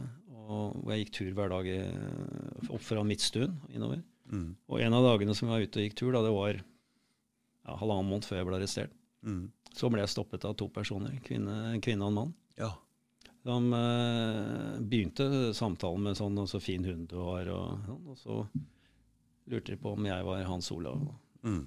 Og da skjønte jeg at her er det noe mer. Mm. Nei, de, de, ville bare gi meg noen råd. Riktig. Ja. ja. Og det var ligg, ligg litt lavt. Ikke kritiser så mye bostyrer og det som foregår der. Ligg litt lavt i terrenget. Mm. Der, og, så, og, og, så skjedde jo det som skjedde, da. Mm. Ja.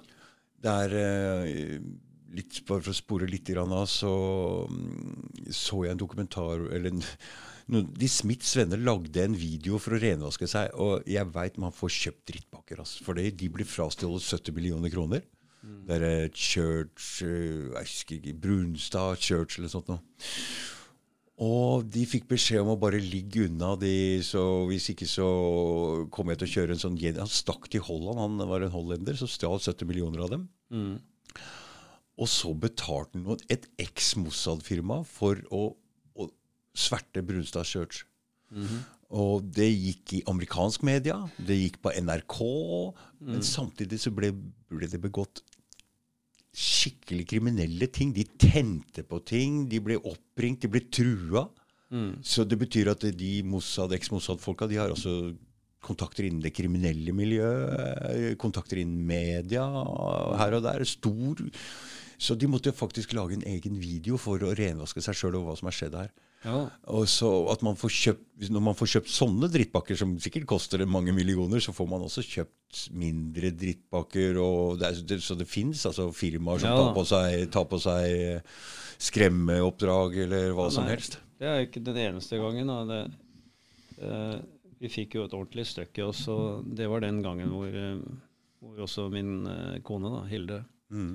Uh, fikk se dette med egne øyne, hvordan dette foregår. Og Det mm. var når vi skulle på skitur en gang. oppe ved... Så det har vært flere episoder? Ja, da, det har vært flere episoder. Hvor, mm.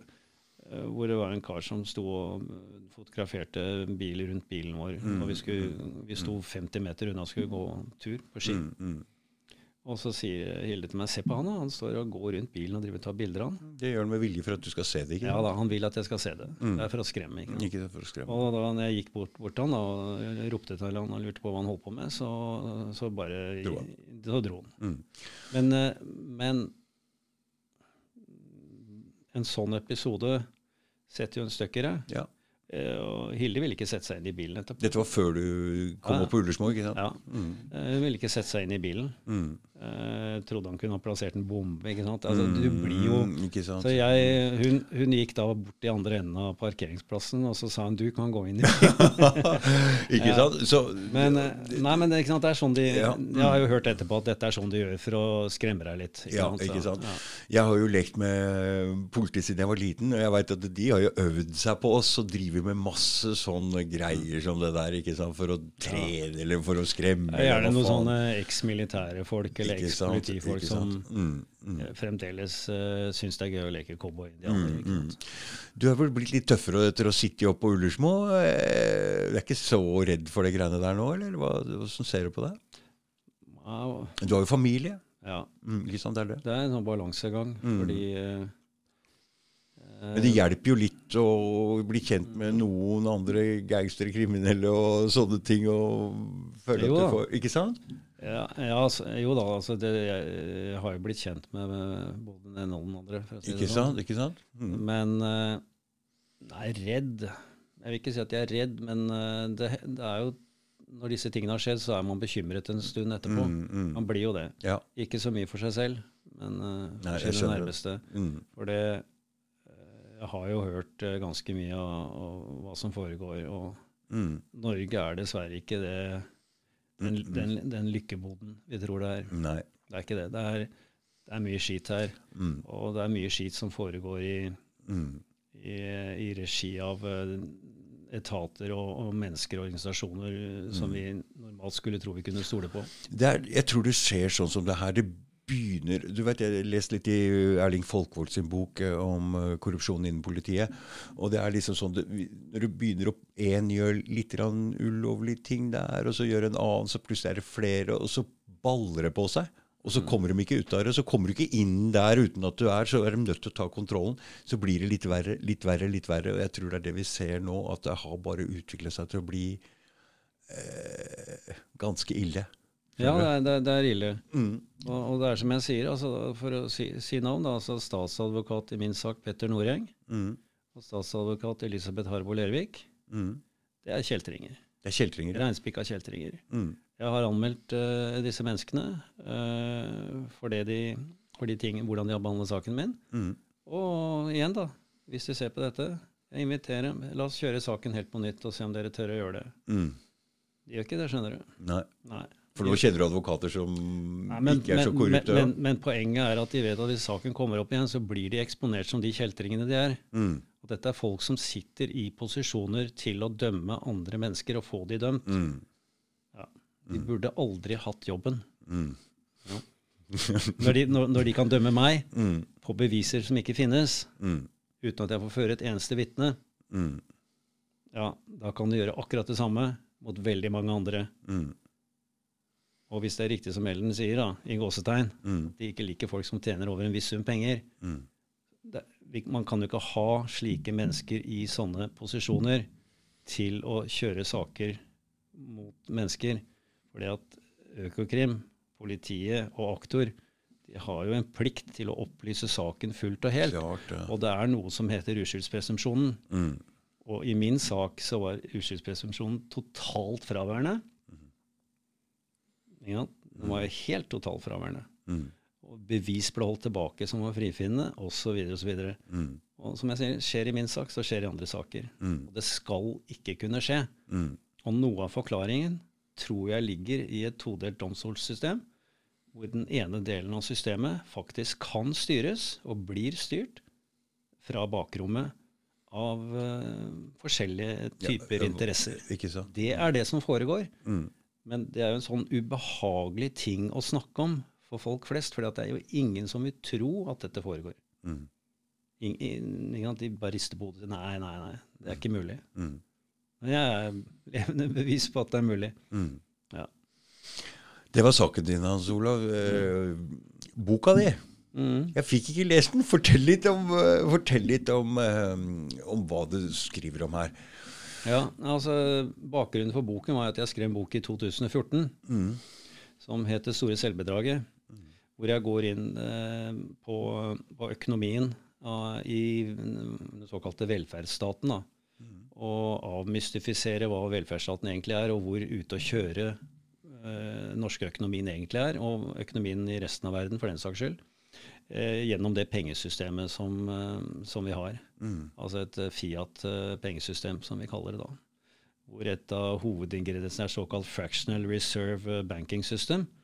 Eh, som gjør at du kan bygge opp enorm, enorm gjeld, som da blir til syvende og sist skjøvet over på borgerne.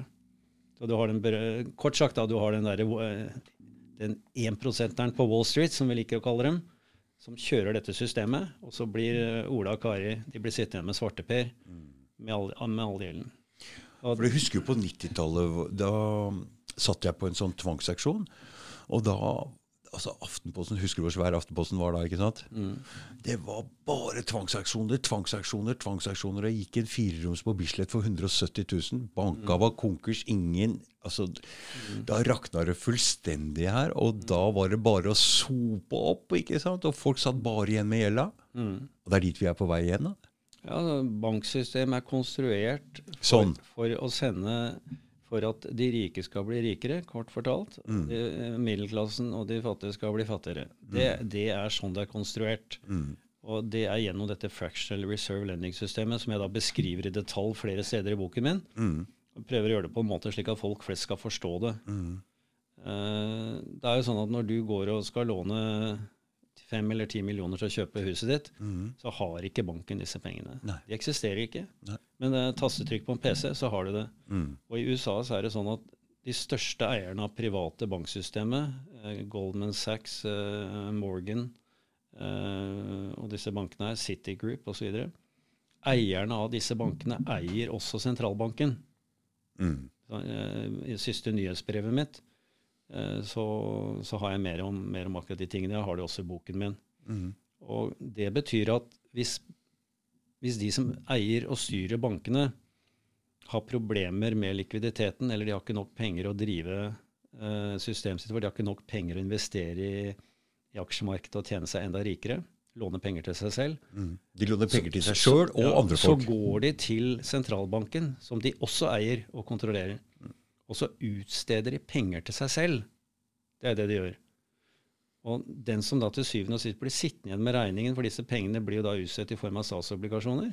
Så, hva, hva, betyr ja. det egentlig? Det betyr det at uh, du har uh, altså Sånn som banksystemet fungerer, da, eller pengesystemet fungerer, så har du La du si du har et land. Mm -hmm. uh, først du har Robinson Crusoe-økonomi. Det er deg og meg på en øde øy. Mm, mm. Vi bytter ting. Du er god til å plukke kokosnøtter, og jeg er god til å fiske. Så mm. bytter vi. Det er kalt division of labor.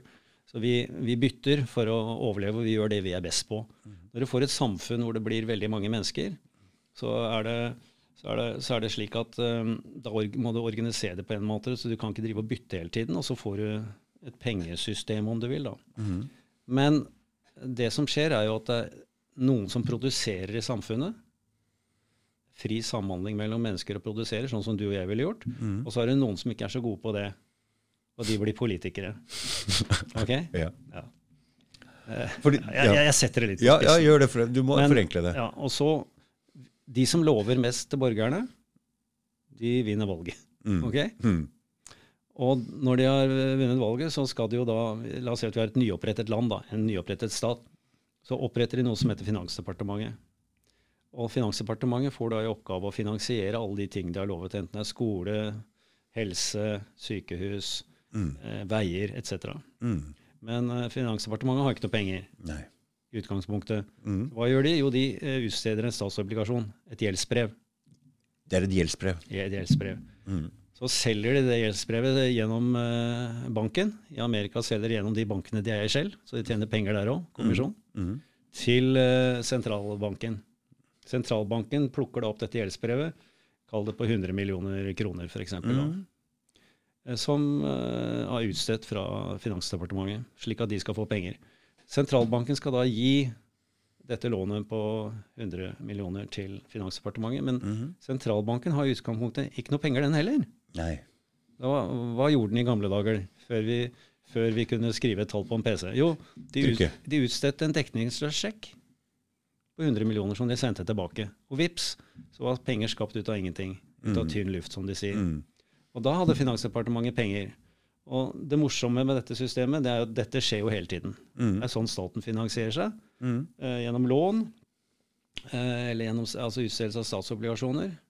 Eh, og det som skjer da når Finansdepartementet får pengene, så går de f.eks. da til eh, skal bygge en vei. Så kommer Veidekke inn i bildet. Bare tar et eksempel her. Mm. Og Veidekke begynner å bygge en vei. De får penger til det. Så er det forskjellige entreprenører som er med på dette. Og der jobber det folk som får lønn. Så får de lønnen inn på kontoen. Når den hundrelappen du får i lønn, kommer inn på kontoen, så beholder Hvis du har et, uh, hvis du har et reservekrav, som de hadde i gamle dager, hvor du må du, du, kan bare bruke 90 av de 100 kronene. For det er i gamle dager, for nå er det 100, ja. Nå, nå, er det annerledes. Nå går det på egenkapitalkrav og den type ting. Okay. Men for eksemplets skyld, slik at folk skal forstå hvordan mekanismen er, mm. så bruker jeg det eksempelet. For første gangen så setter da f.eks. DNB de får inn 100 på lønnskontoen din, mm. som du har fått fra arbeidsgiveren gjennom dette systemet. Mm. Du jobber i Veidekke. Og så tar de da den hundrelappen, så beholder de 90 i banken, og så putter de 10 som, uh, i, i, kontoen sin i Norges Bank, som skal måte være den sikkerheten for den hundrelappen. De andre 90 låner ut. Okay? Mm. Så kommer en annen kar som skal gjøre akkurat det samme. Da tar de de 90, beholder de, set, beholder de, eh, beholder de 81, setter de 9 inn på sentralbanken som sikkerhet for det. På denne måten går de nedover, så den hundrelappen din den blir da lånt ut hvis reservekravet er 10, så blir den lånt ut 10 ganger. og Hvis reservekravet er 5, 5, så blir den lånt ut 20 ganger. Men i dag så er det sånn at det er ikke noe reservekrav, det er bare krav til egenkapital i bankene og den type ting. Men Det må stå i forskjell til utlånet, eller? Egenkapitalen? Ja, ja riktig. riktig, mm, riktig. Mm, mm. Slik at i dag så kan de egentlig nærmest låne ut ubegrenset. Så den hundrelappen din, den, den blir på en måte eh, den blir, den blir, lånt ut på nytt og på nytt og på nytt. Mm. Det er det vi kaller for å gire det. Mm. Så plutselig er den hundrelappen din blitt til 2000 kroner. Mm. Uten at uh, Og selvfølgelig, sikkerheten for den hundrelappen din blir jo da vannet ut hele veien. Slik at til slutt, så hvis banken f.eks. bare har 3 uh, Uh, egenkapital, mm. og så har de misligholdte lån, da, f.eks. på å kall det 30, mm, 30 mm, mm, så er den banken konkurs ikke én gang, men ti ganger. Mm. Og de kan jo bruke da dine penger og nå bruker de bare, nå er det et tall på en PC. Mm. Men de, de, kan da på en måte bruke dine, den hundrelappen din om igjen om igjen. om igjen. Mm. De bruker den jo ikke bare til å låne ut til folk som skal ha en bolig. De bruker det på å gamble for seg selv. Ja, for det, der, det er en annen beta. ikke sant? Det er ikke bare utlånet her som er i fare, men det er også den gamblinga som de setter inn i aksjer og alt mulig. Men så det betyr... Ja, der, der, der kommer vi inn på dette med derivatmarkedet, f.eks. Ja, ja, ja, hva er det for noe? Deri, altså, en veldig enkel derivat da, det er at du har et boliglån. Mm. Og du har et boliglån, og der, der har du flytende rente på boliglånet ditt. Mm. Og så har naboen din han har fastrente. Ja. Han er litt mer forsiktig med penga eh, lånet sitt enn deg. Ja. kanskje. Mm. Og det, det, det, bankene kan gjøre, en veldig enkel derivat, er at bankene da switcher seg imellom fastrente og flytende rentelån. Altså de, de, de swapper. Mm. Og så er det Eh, og det er et derivatprodukt. Det er den enkleste forklaringen på et derivatprodukt. Men derivatprodukter kommer i ja, Hva kan de tjene penger på det? Jeg skjønner ikke hvordan de kan tjene ja, det, penger på det. Det er transaksjonskostnader og, og, og det, er bet, det er jo en bedt i markedet på hvilken vei renta går og sånn. ikke sant? Ja. Men poenget med disse produktene er jo at de nå har et derivatmarked som er oppimot jeg tror mellom 10 og 15 ganger så stort som verdens samlede bruttonasjonalprodukt. Er det så stort? Ja, og dette her er jo kun gjort for at bankene, deres eiere, banksjefen skal få bonusen sin. Det er kun gjort for, å, for, for at de skal berike seg selv. Mm. Dette betyr jo at eh, For det kan jo ikke fortsette Eh, det er noen som må tape på en derivathandel. Så på et eller annet tidspunkt så er det noen som taper. Og når tallene er så store, så betyr det at når det går den gale veien, hvilket det er nødt til å gjøre, så er jo systemet da kaputt. Mm. Da, da, ramler det sammen. Mm. Fordi nå er jo Men dette er bare derivatmarkedet. Du har jo det samme, du har det samme boblen i aksjemarkedet. Du har det samme boblen i, i obligasjonsmarkedet. Eh, og eh, hvis jeg skulle tippe, så ville jeg jo tippe at det er obligasjonsmarkedet som, sånn som det har skjedd før, som kommer til å krasje først. Det er statsobligasjoner, er det det? Eller? Ja, det er obligasjonsmarkedet er jo stort. Det er både statsobligasjoner og andre typer obligasjoner. Så det er et veldig stort marked. Mm. Og i dag så er det sånn at uh, hvis du eier en, uh, en, en, amerikansk statsobligasjon i dag, mm. som har en, uh, en tiåring f.eks., det er altså en tiårs treasury bill, som de kaller det, så, så, taper du med den inflasjonen som er i dag, så har en negativ avkastning på ca. 10% Det er at ingen profesjonell investor blir sittende med et slikt tap i lang tid. Og når de da finner ut at inflasjonen er kommet for å bli, så blir den døren nede i enden av rommet den blir fryktelig trang når de skal ut av den. For markedet er så stort. Og det, jeg kan nesten si med sikkerhet at dette kommer til å implodere. Det er bare snakk om et tidsspørsmål. Mm. i kunstig åndedrett, akkurat som hele det europeiske banksystemet holdes i kunstig åndedrett. Ja. Jeg, jeg, ser i hvert fall det at um, den boligbobla som vi har her mm. da, jeg, For jeg skjønner ikke så veldig mye av den store med det obligasjoner, men jeg skjønner jo den private økonomien. Mm. Altså, uh, når folk slutter å låne, uh, da blir det lite penger her. og vi lever på krita. Eller, ikke sant? Og, og, og, ja, hele landet er i luksusfellen. Ikke sant? Mm. Men så lenge det er det som holder Norge i gang her, er jo det at det er tilflytning til Norge. Da holder boligbobla seg. ikke sant? Da tar folk opp nye lån og sånne ting. Så det er jo, Vi bruker jo ikke noe oljepenger her. Det er jo bare troen på Norge som gjør at det hele tiden kommer flere og flere folk her, som gjør at boligpriser holder seg. Men med en gang dette ryker, det, det, vil, få, det vil bli det blir mangel på penger, og firmaer går konkurs. Så får vi den karamellen med det boligmarkedet. Det er det eneste jeg skjønner. Men Du tenker obligasjonsmarkedet ryker isteden. Men altså boligboble vil jo også få Hvilket snøfnugg som får skavlen til å ramle sammen, det er, det er, ikke mulig å nei, si. Nei, nei. Men, men, det er helt sikkert at uh, vi hadde finanskrisen i 2008. Mm. Problemet under finanskrisen var jo at det var for mye gjeld der mm. ute. Mm. Og den gangen så var verdens totale gjeld 105 trillioner dollar. Mm. Og i dag er den 300. Mm. Da kan du tenke deg hva som har skjedd. Vi har jo bare Vi har løst vi har, det, er, det, er, som en narkoman som prøver å løse sitt uh, narkomani ved enda en sprøyte. Og to og tre og fire. Det er det vi holder på med. Vi driver og pumper da ny, nytrykte penger på en computer som gjeld ut i markedet. Og og det holder liv i bankene, det holder liv i aksjemarkedet, som da går til nye høyder. fordi at de som får pengene først Ja, det her sto det om, det, det skjønte jeg ikke helt. De får pengene først? Det er jo aldri Ola og Kari som får uh, nytrykte penger først. Nei. Det er jo alltid de som er de mest kredittverdige, som kan gire porteføljene sine i aksjemarkedet og eiendomsmarkedet og kjøpe enda mer, mm. slik at aksjemarkedet går enda høyere. Mm. Altså, slik at, uh, så får, uh, slik at når du, når, når, Men dette er parasitter på økonomien? Ja, det er det. Ikke sant? Det det. De gjør jo ingenting sjøl. De flytter rundt på penger ja, ja. penger og penger, og så, men de arbeider ja, jo ikke. Det er, det, er en, det er, en, grunn til at eh, Henry Ford, eh, grunnleggeren av Ford Motor Company, en gang sa at hvis folk hadde skjønt hvordan eh, banksystemet fungerer, så hadde det vært revolusjon i gaten i morgen. Mm. Det er helt riktig. Mm. Men det er for lite Det begynner å komme nå. for det, uh, Før så visste ikke økonomene her engang. Altså, en, en, venn av meg spurte Kristin Halvorsen når hun var finansminister Finansminister, altså. Mm. Og spurte henne vet du hva fractional reserve banking er for noe. Det er det, det, er det systemet som styrer hele banksystemet mm. altså, og pengesystemet. Mm. Hun hadde ikke peiling på hva det var for noe. Nei. For det har vært en konspirasjonsteori? Hæ? Nei, men hun hadde aldri hørt om det. Nei. Ja, og da, det forteller jo litt da, om kunnskapsnivået. Og, ikke, ikke, for å sverte Kristin Halvorsen, for, for, hun er Det er ikke mange andre heller som, har, som vet om dette. Nei. Men hvis du er finansminister i et land, så bør du kanskje vite det, da. Mm. Jeg syns jo det. Mm. Men uh, ikke, vi får ikke snakke så mye om kunnskapsnivået på våre politikere, for da kan det hende jeg sier stygge ting. ja. Mm. Så hva um, Så du spår en skikkelig karamell her nå, og det er du ikke aleine om. Nei.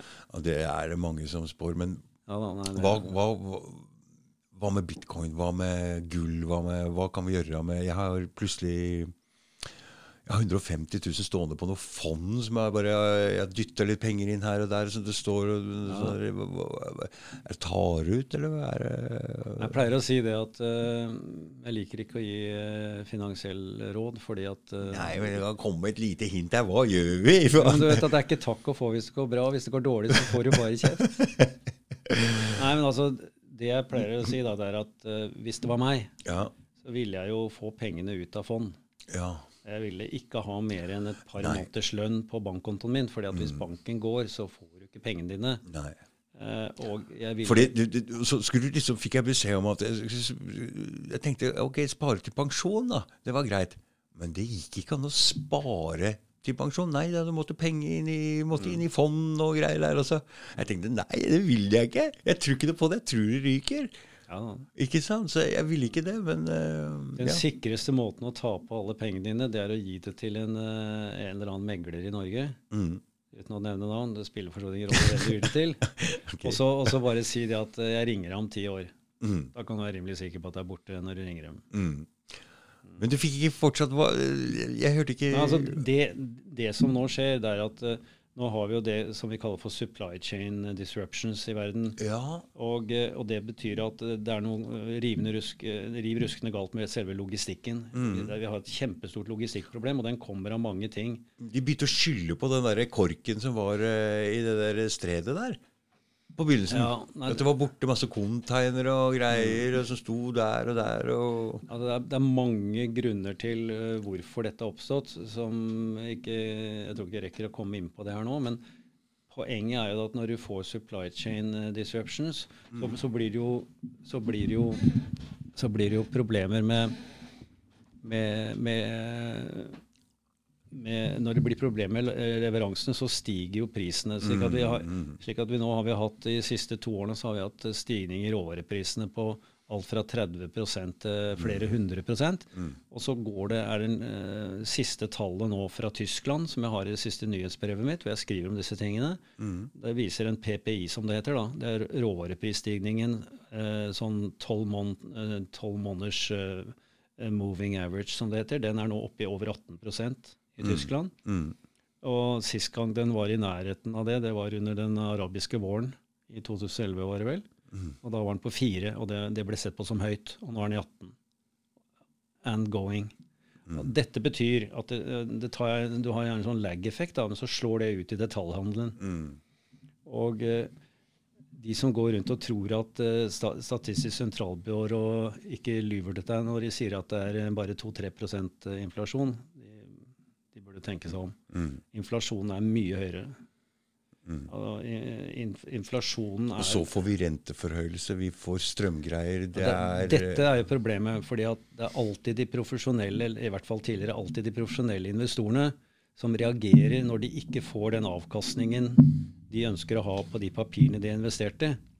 Og når du får da inflasjon først i råvarer, og så eh, altså at prisen på råvarer stiger, mm som egentlig er resultatet av inflasjon. Eh, veldig viktig å si det. Inflasjon er å trykke penger. Inflate the money mm, supply. Mm, mm. Du inflaterer det. Det er inflasjon. Resultatet av inflasjon og pengetrykking, det er at prisene stiger. Eh, det er derfor noen sier at eh, hva er inflasjon? Det er too much money chase, chasing too few goods. Da går prisen opp. Mm. Du har for mye penger, for få varer. Da går prisen opp. Mm. Mm. Det er det som skjer. Og det som skjer når, når, inflasjonen virkelig slår inn, slik den gjør nå, mm. hvor den antageligvis ligger mellom 10 og 15 I USA ligger den rundt 15 De sier den ligger på 7 men det er fordi at de jukser med tallene. Mm. Eh, med såkalte hedonistisk, hvor de sier at en, en, en, en, bil som har gått opp med 1000 dollar i pris på noen måneder, den har egentlig ikke gått, uh, gått opp, for den har fått så jævla mye penere dashbord. Mm ja, de, de, jukser for å si at det ikke er inflasjon, mm. men, men, det er jo egentlig inflasjon. Mm. Så eh, hadde de brukt de gamle kriteriene som de brukte på 1980-tallet, jeg regner med at det samme eh, gjelder Statistisk sentralbyrå, så er ikke inflasjonen nede på 2-3. Den er ikke på 7, men den er på rundt 15 mm. 15% inflasjon, det betyr at den hundrelappen du har i lomma nå, mm. som du kan kjøpe varer for 100 kroner, mm. om ett år så kan du kjøpe uh, varer for 85. Mm, mm. Det er det det betyr. Vi ser jo det i butikken også. Kan det likhetstegn, mm. Du kan sette likhetstegn mellom inflasjon og tapt kjøpekraft for Ola Kari. Mm. Okay? Det som skjer i investormarkedet når det blir inflasjon, det er jo at avkastningskravene til investorene forandres.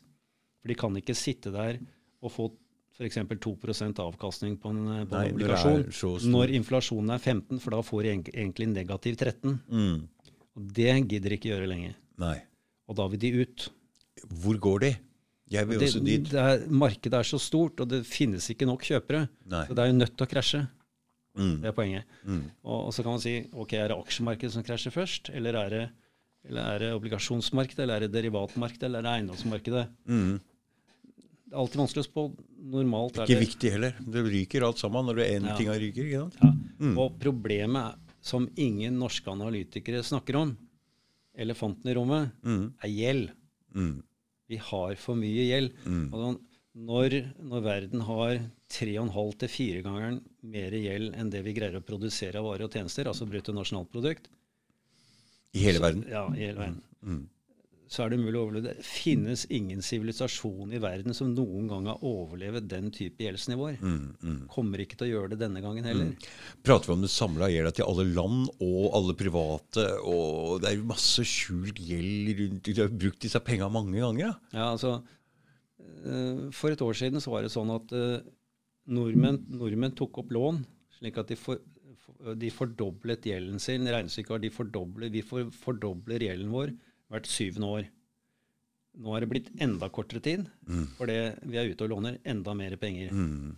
Alle plastkort som finnes. ikke sant? Mm. Og, Men problemet ja. her når det gjelder privatgreiene, er at boligprismarkedet Når mamma og pappa kjøpte denne leiligheten, så var det ventelister.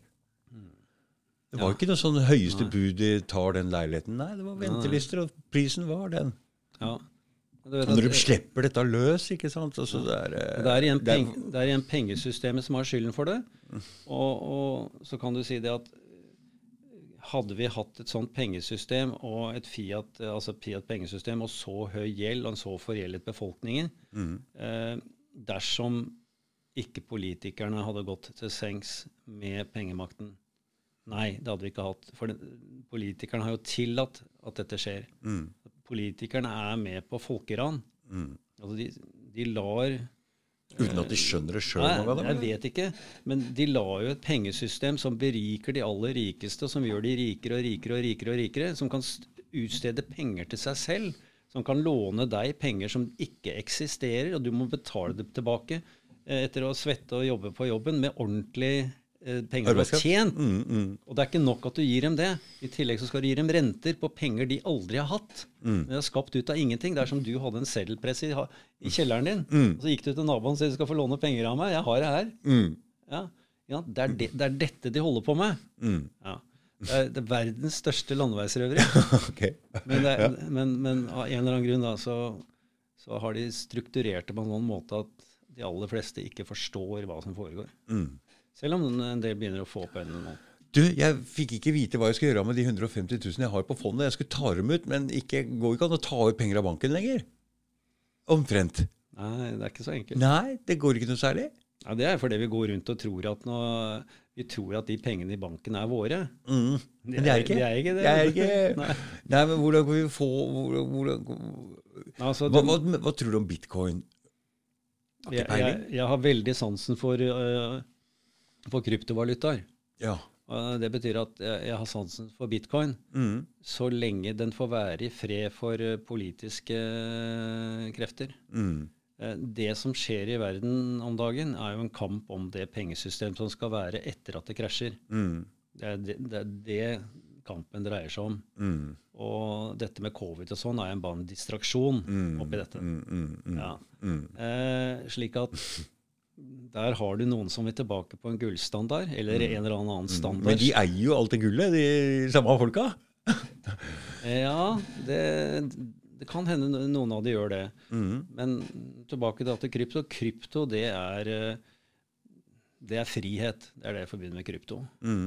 eh, hvis krypto og bitcoin får lov å være i fred, så er det helt fantastisk for oss mennesker. For det setter Det tar fra makten fra, Det tar bort makten over pengesystemet fra de som har den nå, mm. sånn at ikke de kan sitte og trykke penger til seg selv mm. og låne til oss og ta rente. og mm. Så tar de huset ditt også, hvis du ikke greier å gjøre opp for det. Mm. De sitter med bukten og begge hendene, og så bruker de mye av disse pengene på å berike seg selv i aksjemarkedet.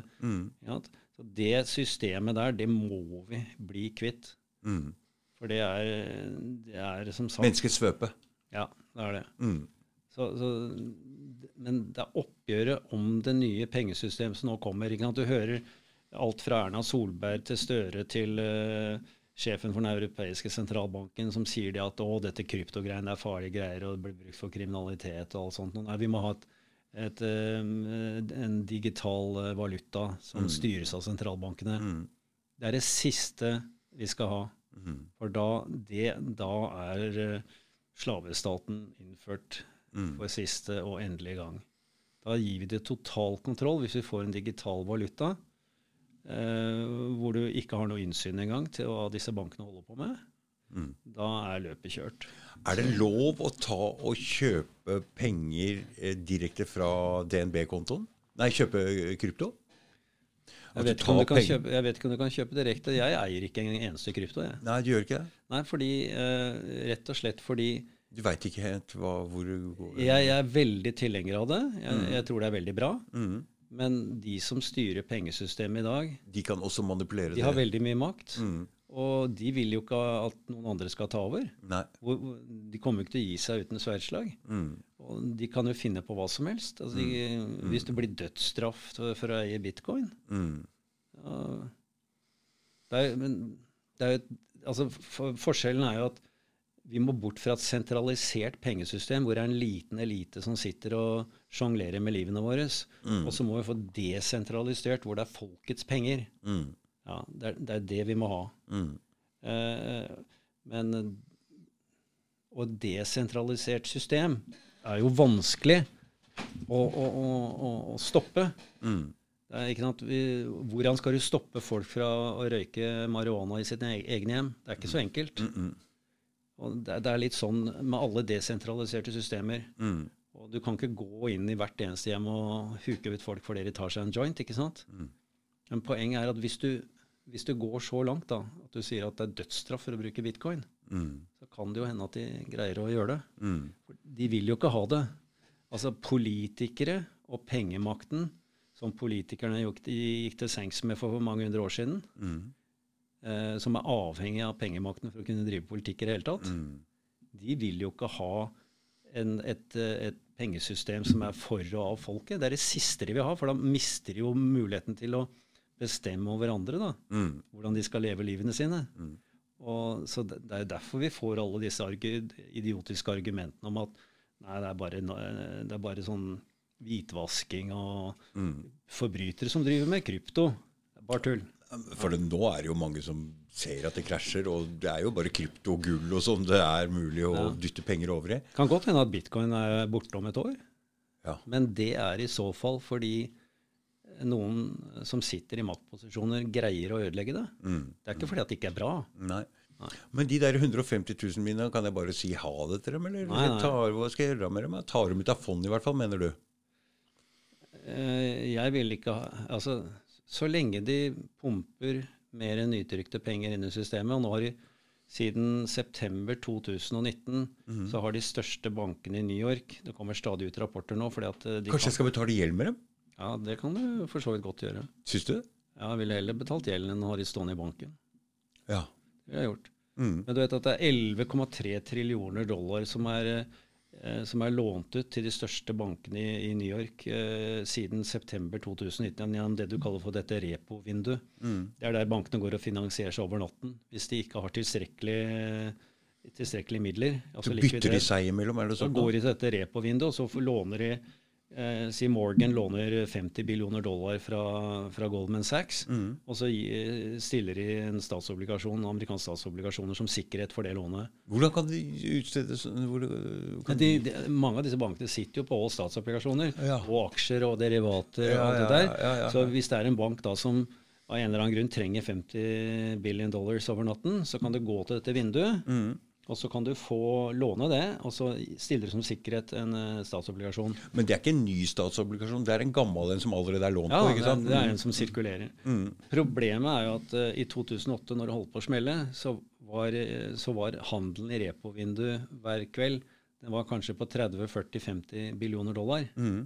Nå har det vært oppe i 1,3 trillioner. Mm. Og siden september eh, De bytter fort seg imellom? Altså, volumet, Beløpende volumet er mye, mye større. Mm. Og du kan sette likhetstegn mellom størrelsen på volumet og stressfaktoren i markedet. Mm. Det er noe som skjer nå. Mm. Og, og, det peker igjen tilbake på hvor stor gjelden er. Mm. Alle bankene er så godt som bankerott. Altså, mm, mm, balansen deres er fryktelig dårlig. Mm. De har dårlig likviditet. Det er derfor de er i dette markedet og låner penger til, til stadighet. Mm. Og på et eller annet tid, tidspunkt så smeller det. Og nå har du f.eks. Noe, det er noe som heter money market funds. Det er veldig store pengefond, eh, som bl.a. Eh, som er veldig konservative, som går inn og er inne i pensjonskasser og forsikringsselskaper og den type ting. Plasserer pengene sine forsiktig. Mm. De har vært en, en stor aktør i, i dette repomarkedet tidligere, men nå nekter eh, de største money market funds de nekter nå å låne ut penger til banker som Goldman Sachs og Morgan over natten, mm. selv om de får statsobligasjon som sikkerhet. Mm. Det dette forteller, er at noen skjønner at dette kommer til å gå fryktelig gærent. Mm. Og så tar de sine forholdsregler. De vil ikke låne ut over natten engang. Mm. Eh, det er det bankmarkedet vi befinner oss i nå. Mm. Og le, les en norsk avis, se en uh, på norsk TV, hør på disse analytikerne vi har i Norge. Det er ingen av de som snakker om dette. Ingen. Fortell om oljefondet. Ja. Har vi penger, eller? Får, ikke, du, for det, du nevner i boka det at hvis vi hadde tatt de penga ut der og gjort sånn og sånn Og da tenker jeg Får vi lov å ta de penga ut av det aksjemarkedet? For det, det altså vi er ganske stort, oljefondet. Vil ikke det mm. gjort at hele dritten kollapser, hvis vi tar ut de penga? Det går jo ikke an å ta ut penger så fort Nei. av markedet. Det går ikke. Det går Men, ikke. Men det går jo an å ha en annen strategi enn å si som han Tangen nå sier, da, at uh, det kommer dårlige tider nå. Mm. Så vi regner med at det blir noen dårlige, dårlige år framover i oljefondet. Mm. Men det må vi bare sitte igjennom. Mm. Det er jo i, i, min bok er det en avskjedssøknad å si noe sånt. For det, det, er klart at det går an å gjøre noe for å, for å, for å Det går an å gjøre an, noe annerledes. Mm. I dag så er det sånn at oljefondet Sånn, sånn, det blir cirka-tall, dette her. da. Mm. det er sånn ca. 60-40 fordelt i aksjemarkedet og obligasjonsmarkedet. Og ikke, ikke helt 60-40 heller, for det er 5-6-7% i eiendomsmarkedet. Mm. Eh, men det er fordelingen. Og av, av, den, av den, porteføljen som er i papirmarkedet, og, altså obligasjonsmarkedet, og i aksjemarkedet, så er det investert i fem, de fem største valutaene står for 80% av de 100. Jeg tror ikke jeg skjønner helt det. Valuta av, av, av, av, eh, av, de pengene, av de 100% som er ute mm, i markedet mm, investert, mm. Så er 80% av de 100 er i de fem største valutaene. Altså det er nominert i de fem største valutaene. Altså japanske yen, amerikanske dollar, eh, euro Betyr det at vi har investert i de landene, eller? Det, det, det betyr at eh, pengene, eh, pengene, er nominert altså er nominert i den valutaen. Hvordan, Jeg skjønner ikke helt uh, det der. For det, vi kjøper statsobligasjoner i dollar? Eller? Hvis du kjøper en eiendom i Sveits, da, ja. så, er den, så, så, er den eiendommen på en måte finansiert og, og, er i et land hvor det er sveiser fram ja, ja, ja, så vi har investert i noe. Mm, for, for, for, for, å gjøre det litt enkelt, da. Mm, så, ja, ja, Gjøre det litt enklere å forstå. Mm. Problemet med, med, denne vekten over på de fem største valutaene er at alle disse valutaene er i det vi kaller for en fight, uh, a race to the base. Mm. Og det vil si at de trykker penger. Mm. De utsteder stadig penger og utvanner valutaen sin. Eh, slik at eh, det kan godt hende at eh, når Norge f.eks. investerer 100 milliarder i, på børsen i Japan, eller i japanske selskaper, så kan mm. det godt hende de får 100 milliarder tilbake om 20 år. Mm. Men det er ikke sikkert du kan kjøpe noe særlig mer enn en sushimiddag for det, for, det, for det er blitt så utvannet. Mm. Hva med russisk valuta? Er det en av de fem? Nei, det er ikke. Eh, russiske, russiske, valuta er veldig liten i verdenssammenheng. Den er veldig liten? Veldig liten. Mm. Ja. Den er ikke stor. Men, men driver men, de og trykker penger på samme måte? Russland har nesten ikke gjeld. Nei. Veldig flinke. Mm. Og, og, Putin kjøper gull. Og Putin kjøper Mye gull. Mye mm. gull. Mm. Akkurat som uh, Kina. Mye gull. Råvarer. Det er smarte. Mye smartere enn oss. Mm. Hvordan ser du på det som skjer nå, den opptrappinga mot Russland her? Nei, jeg eh, Hva er det som foregår? Ja, det, altså, det er, er, det et stort spill? Er det et skuespill, eller er det, er det, det er helt umulig å vite hva som er rett og galt, ja, eh, hva som er riktig. Mm, mm, mm. Men uh, jeg tror jo at uh, Nato og uh, Nato og amerikanerne, da, i hvert fall den amerikanske administrasjonen som sitter der nå, mm. de trenger en fiende. trenger fiende. Trenger fiende. Ja. Og den fienden, da, den er, den er Russland. Ja. Jeg Ikke noe er som en fiende? Nei, det er ikke det. ikke, ikke, ikke, hvis, ikke, hvis, du driver med f.eks. Uh, våpenproduksjon. da. Nei. Da er det ålreit å ha noen fiender. Ja, eller hvis du driver et land og trenger litt altså, samhold i landet der, og ja. jeg, noe å samles om? Jeg tror jo at uh, jeg tror jo det at uh, Nato og Europa hadde gjort lurt å sette seg ned og prate med Putin som om han var en venn. Mm, mm. Og ikke la seg presse hele tiden av, uh, av neokonservative krefter og uh, folk som Biden og, og, Clinton og Obama til å, til å hele tiden uh, krangle med, med Putin. Mm.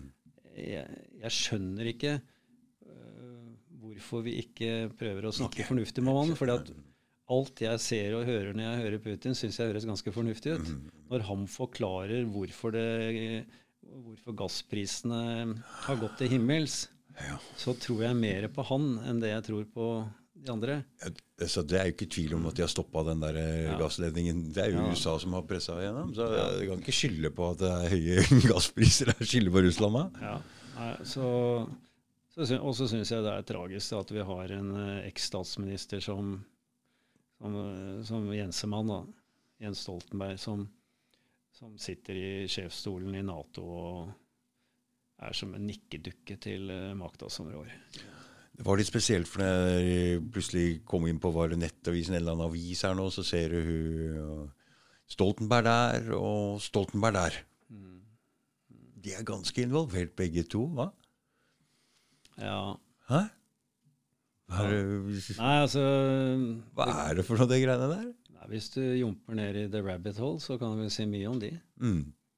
Du kan si det. Jeg, jeg vet ikke om det er Jeg, jeg syns det er litt tragisk, egentlig, at vi, at vi, at vi holder på sånn som vi gjør overfor russerne. De, de, burde være gode naboer av oss. Mm. Og jeg syns at vi burde sette oss ned, og så syns jeg vi burde holde opp eh, Når Putin sier at han er bekymret fordi at Nato går med på at det skal utplassere sånn eh, ballistic missiles i Romania på grensen til Russland som bruker syv eller åtte minutter på å treffe Moskva eller St. Petersburg. Mm, mm, mm. Hva det nå enn er. Det er i hvert fall fryktelig fort. Mm. Og han sier det at der setter jeg grensen. Mm. Hvorfor skal vi da provosere han? Mm. Hva er grunnen til det? hva er grunnen til det? Ja. Nå, nå, har han jo sagt at han vil gjerne da dytter noen Venezuela og Cuba og sånn, og setter noen der, da. Se hva de gjør. Ja, men jeg... Jeg, det er veldig farlig spill som blir spilt. Mm. Og jeg tror det blir spilt av vikarierende grunner fra mm. folk mm. som ønsker å Til syvende og sist ønsker å bevare det bank- og pengesystemet vi har i dag. Mm.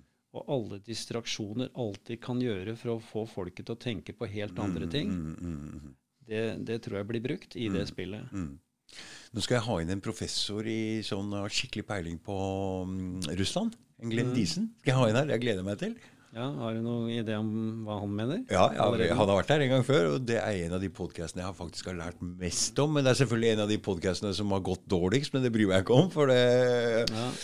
Her er det en fyr som um, bodde litt i Russland, så flytta han til Australia. Så skrev han en bok om hvordan Russland burde bevege seg mot Østen. ikke sant? Mm. Litt sånn. Og så ble han headhunta og jobba direkte under en rådgiver av Putin. Mm. Så interessant var den boka for russere. Mm.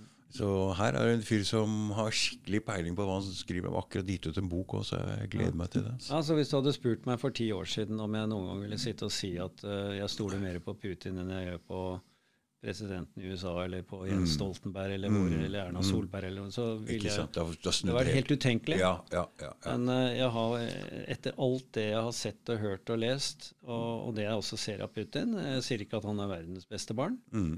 men jeg tror ikke han ønsker konflikt. Uh, jeg tror det er det siste han vil. Mm. Jeg tror ikke han er noe trussel for oss. Nei, nei. Og, De prøver til og med å fremstille Nord-Korea som en trussel mot oss. Sånn at jeg det, helt, det, det, det, vi holder på med, med denne stadige provokasjonen, mm. uh, og den løgnen som blir fòret til det norske og det europeiske folk om hva det er som foregår mm. uh, Jeg håper den tar slutt mm, når, mm. når, en del av disse andre løgnene vi til daglig blir eksponert for, mm, mm. også, ryker. Også, også ryker. Jeg håper vi går bedre tider i møte. Fordi eh, slik jeg ser på det, så vil flesteparten av menneskene i denne verden her, de har lyst til å leve gode liv og være venner med hverandre. Det, klart det. Ja, Og så har vi dessverre noen udugelige, kunnskapsløse og, syk, og psykopater og sosiopater som vi dessverre lar eh, få for stor makt, fordi vi er busy med å mm. tjene til livets opphold og dra på feriene som Men du ser det, ja. de sitter også igjen med det gamle verdensbildet du hadde for ti år siden. Det sitter de igjen med. Ja. Det betyr at de har ikke evnen til å forandre seg i forskjell til hvordan verden forandrer seg. Var det ikke en avstemning angående Krimhalvøya hvor eh, jo, over, over 90 ville annektere? Mm, mm, mm. Og, det blir jo da fremstilt som et kupp, ikke sant? Mm, mm, mm. ja, Mm. Hallo. Mm. Og vi må huske på at uh, Ukraina har uh, en isfri uh, dyp, dypvannshavn. Vladivostok er det det heter. Mm. som russerne har leiekontrakt på fram til ja, 2038 eller 2040. Mm. Og er det noen som tror at den eneste isfrie havnen som russerne har tilgang til, at de skal gi fra nei, seg den nei, nei, frivillig? Det, det kan du bare glemme. Ja, den, det kommer det ikke. ikke. til å skje. Det kommer ikke til å skje. Mm. Så, uh, folk må bli litt realistiske, og så må vi snakke, må snakke med Putin og russerne med en litt mer balansert tilnærming til mm. uh, de pro felles problemer. Mm. Og for det Du vinner ikke du vinner ikke den diskusjonen. Nei, han har jo også, hele, I Syria ja. så har han jo vist at han er villig ja. til å vise at han er tørr. Og, og han ja, er for svær til å De er tøffe når de går alle mot Irak. Altså Da er de tøffe. Hele verden mot Irak. Etter at de har avvæpna han. Det, det, tør de. Men de tør ikke det der. Det kan du bare glemme. Du vet at etter at uh, Clintons og Obama og Bidens og sånn har vært i, rundt forbi Ukraina nå de siste 10-15 årene, mm. så har jo Ukraina blitt et eneste stort uh, hvitvaskingssystem. Mm. Det er, uh, du finner ikke noe land som er mer korrupt enn Ukraina. Mm. Og det skyldes disse menneskene som har vært der inne og, og korrumperte. Mm. Så mm. jeg tror jeg, jeg, tror vi bør få en helt annen tilnærming til hvordan vi snakker med vår nabo i øst. Ja, helt sikkert. Du, helt til slutt, fortell litt om hjemmesida di, og fortell litt om Norsk Hjelpefondet, som du også ja. er med og driver. Ja.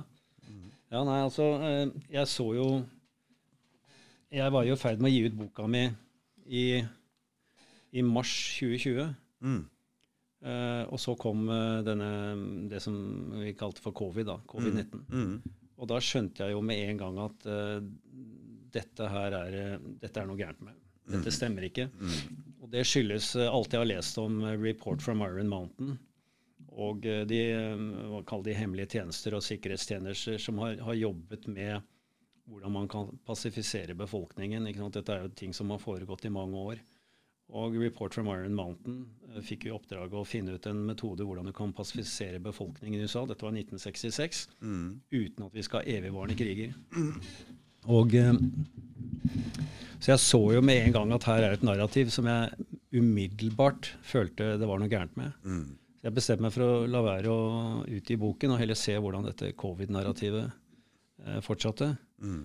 Og i dag så har vi jo deler av fasiten. Vi har en PCR-test som skal de de detektere smitte, mm. som av oppfinneren selv, Carrie B. Mullis, eh, sies uh, totalt uegnet for å detektere smitte overhodet. Mm. Vi har dr. Fauci som har sagt at uh, når du kjører den testen på mer enn 35 sykler, så blir det 100% false positives. Og så vet jeg, jeg har skriftlig fra overlege Mikael Legård ved Ahus, skriftlig, at i Norge så kjører vi på 40 sykler eller mer.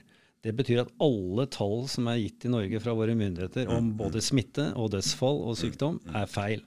Ikke litt, men 100 Nå kommer disse tingene ut. Det. det, det eh, nå, nå, kommer det også ut, akkurat som Luc Montagnier, eh, nobelprisvinner i medisin, sa så tidlig som i mai i 2020, nei 2021, unnskyld, så sa han vaksinen var selve problemet, fordi den skaper det du kaller for immune deficiency syndrom, i tillegg til alle de myocarditis og hjerteproblemer som folk har hatt, og, og eh, reproduksjonsevneproblemer og den type ting. Så, Hva er immundeficiency igjen? Det, det, det, betyr, altså Jeg er jo ikke noe lege, men Nei. slik uh, Luc Montagnier forklarer det, så vil et, uh, vil et, virus alltid lete etter veier å komme rundt uh, en, en, en, vaksine. Mm.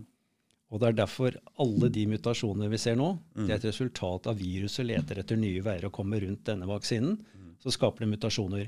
Mm. Og Det er derfor vi ser at to tredjedeler, kanskje i enkelte steder opp mot 90% av de som nå blir smittet, er jo de som er på annen og tredje og fjerde dose. Mm. Så er, nå, er det, nå, er det, akkurat som Luc Montagnier sa, det er de vaksinerte og vaksinen som blir problemet. Mm.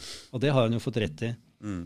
Og nå har også den engelske regjeringen gått ut nå i siste nyhetsbrev om dette og sagt akkurat det samme. Så endelig så våkner folk opp til realiteten omkring vaksinen. da. I tillegg til at vaksinen ifølge alle disse eh, bivirkningsrapportene har jo lemlestet og ødelagt livet til millioner av mennesker. Og drept noen millioner også. Mm. Så disse tingene kommer nå ut. Men tilbake til Norsk hjelpefond. Mm. Eh, de som har minst risiko, for å bli smittet. da. Barn. Hvis, hvis, det er noe som heter covid. De, ja, det, det, er mm. barn. Mm. Det er barn. Mm. Og de blir ikke veldig syke, og dødeligheten er null. Bortimot null. Slik at jeg, når jeg ble oppringt uh, og spurt om jeg ville være med å sitte i styret i Norsk uh, hjelpefond, for å hjelpe da barn og ungdom fra 16 år og nedover, Mm. Og selvfølgelig også familiene deres, som blir fortvilet når de møter, hvis de ikke har lyst til å bli testet, at barna deres skal testes, eller de ikke blir tvunget til at skal ta, ta vaksinen, mm. så, så um, trenger de noen å snakke med. Mm. Og det Norsk hjelpefond prøver å gjøre, da, det er å, at de har noen å snakke med, og også gi da juridisk hjelp, slik at de kan fortelle på en riktig måte hva de godtar, og hva de ikke godtar. Mm. Slik at det gir juridisk beskyttelse. For det, det, det finnes faktisk ikke der ute. Eh, helt fra øverste eh, helsepersonell i Norge, altså på høyeste politikernivå og i FHI, mm. helt ned til eh, den enkelte helsearbeider, så blir, det, så blir loven i forhold til informert samtykke, som jo står i Nürnberg-kodeksen, mm, mm, mm. som uh, folk ble dømt for etter annen mm, verdenskrig, den, den, den, den, blir brutt. Ja. Eh, det er ikke én eneste sprøyte som er satt i Norge hvor det har blitt eh, på grunnlag av informert samtykke. Ikke én. For det, folk blir rett og slett ikke spurt, de blir bare bedt om å ta sprøyten. Mm. Sånn at uh, vi ønsker da å hjelpe de, og dette er ikke noe med for eller imot vaksiner. Har rett og slett å gjøre med friheten til å bestemme over din mm, egen mm, helse mm, og din egen kropp. Mm. Sånn at sier ikke at jeg er en vaksinemotstander på noen som helst måte, men folk må få lov å bestemme selv. Mm. Veldig personlig valg. Mm. Og så skal det gjøres etter informert samtykke, hvor du husker på at dette her er et eksperiment. Mm. Absolutt alle lab rats som, har prøvd, som de har satt mRNA på, har dødd. Og Allikevel så er det enkelte som vil at du skal sette det på spedbarn. Ikke sant? Mm.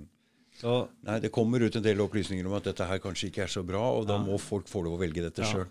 Sånn at uh, jeg, har, jeg har sendt ut til venner og kjente og bedt om støtte til uh, Norsk hjelpefond, slik mm. at vi er en non-profit-organisasjon. Det sitter fire stykker i styret der. Uh, veldig engasjerte mennesker. Mm. Og vi ønsker å hjelpe folk. ha noen å snakke med og hjelpe de så godt vi kan. Mm. Men det trenger vi penger til. Mm. Og vi tar ikke betalt for å jobbe der, så det er ikke mm. vi som skal ha pengene. Nei. Det er for å hjelpe andre. Mm. Det koster å få hjelp. Mm. Ja. Det er den. Og så har du en hjemmeside. Ja, hjemmesiden min den um, heter uh, rebelgjellpublishing.com. Mm. Der gir jeg ut nyhetsbrev. Jeg har vel gitt ut uh, ti-tolv nyhetsbrev siden jeg begynte med det. Mm. Hvor jeg skriver da Egentlig skal det være en side om økonomi og pengesystem og hvordan ting mm. henger sammen, og, og sånn, men vi er alle preget av den situasjonen vi er i, hvor, og den massepsykosen som eksisterer i samfunnet, hvor folk rett og slett ikke forstår hva det er som skjer. Mm. Så det blir jo en del om covid, da, hvor de mm. legger fram når det har vært noen nye forskningsstudier som viser da faktisk at det, det, som ble kalt for konspirasjonsteorier for to år siden, har vist seg å være helt riktig. Mm. Så det blir jo litt om covid. Det mm. gjør det. Men eh, primært skal det være om økonomi, og gjerne da historisk, et historisk perspektiv. Mm. Og prøve å, prøve å fortelle da folk flest om uh, hvordan systemet henger sammen, slik at vi ikke gjør de samme feilene igjen mm. når dette systemet bukker sammen. Og Jens og Erna, eller hvem det nå måtte være, kommer til oss og sier at uh, Stol på oss en gang til, vi skal fikse dette. Mm. Da må vi si nei. Og den boka di, det du har skrevet der, det er ganske unikt på norsk. Det fins ikke noe lignende det på norsk. Det fins kanskje noe utenlandsk, men uh, ikke på norsk. Og den boka den får du kjøpt uh, via den sida der, eller? Ja da, den, den ligger under, under publikasjoner. Mm. Så kan du lese kort sammendrag om den boken. Mm. Har, den andre ligger der, det nå. Oh, ja. Men det er den 'Farvel menneske', hvor jeg liksom går bak pengesystemet, mm. med fokus da på ikke bare på hvordan penge- og banksystemet og økonomien i verden fungerer, mm. men også på å se på aktørene bak. Mm. Som, og det er litt ja. viktig å ha med seg i, i lys av hva som skjer i dag. For hvis du ikke får med deg den historien bak deg, så skjønner du ikke greia i hele tatt. ikke sant? Jeg mener jo at uh, Det blir jo fryktelig subjektivt, da. Mm, mm. Jeg mener jo at den boka burde være pensum på skolen. Ja. Mm, ja. Mm. fordi, fordi, alle trenger å lære om disse tingene. Mm. Og dessverre så lærer vi om alt mulig annet, men ikke om økonomi og, mm. peng og penger og banksystemet, og det burde vi. Det fordi, burde vi. For, fordi det er med å styre så mye av livene våre. Klart det er det. Ja. Penger er Og det er ikke vanskelig å forstå heller. Og det, er, og det, er, faktisk ganske interessant. Ja, det er det. Det er ganske interessant. Og den boka, jeg skal lese den ferdig, men jeg rakk det bare ikke. jeg har, lider av konsentrasjons... Eh, du har jo bare hatt tre-fire dager, da. Ja, ja, jeg har det. Jeg har det. det er sant. Og jeg har en jobb som er Altså, i dag, med det glatte føret, og jeg har slitt med lastebilen og glir fram, det er kjettinger på, ja. vi tryner, og er, I dag har det vært virkelig glatt. Altså, jeg jobba ute på Grorud i dag. Okay, ja.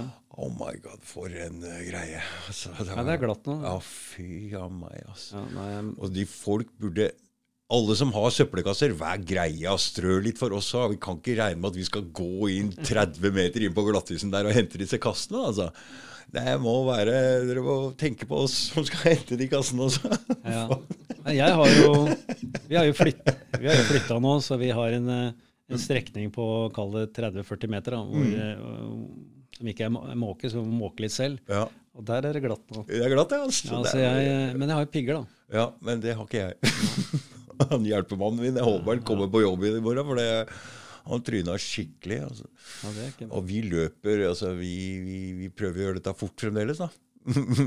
ja. vi, så vi prøver å jogge og løpe og Holde seg i form samtidig? ja, det blir knallformere, da. Ah. Jeg skal i hvert fall stå i den jobben her et år. Det er den tøffeste jobben i Norge. Det stinker dritt og møkk, og du løper, og den lastebilkjøringa der, du finner ikke vanskeligere enn det. Og fysisk krevende som bare det. Mm. Jeg blir svett hver dag. Altså, jeg jobber i bare denne her. Jeg kaster jakka og alt mulig. så jeg tenker det er, en bra herding å stå i den jobben der et år. Det skal jeg i hvert fall gjøre. Jeg har jobbet på Haga golfbane i to sesonger. Mm. Som sagt sto opp uh, fire-fem om morgenen. Mm, mm. Og ut og jobbe og mm. gå og slite hele dagen lang. Mm. Og én ting er sikkert, du blir i god form av det. Jeg blir i god form. Gjør det, sånn. Og ennå så kommer jeg meg på trening her og driver podkast ved siden av. Så bare en liten unnskyldning, en liten digresjon til hvorfor jeg ikke har fått lest uh, den boka di. Men den skal leses ferdig. Skal vi si uh, god kveld, eller? Ja, har vi fått fram det meste her nå? Jeg, jeg håper det blir interessant for noen, mm, i hvert fall. Det tror jeg. Så, ja, Jeg håper det. Mm. Takk for at du kom, Hans Erik. Ja, tusen takk for at du ville ha meg. ok, hei. hei, hei.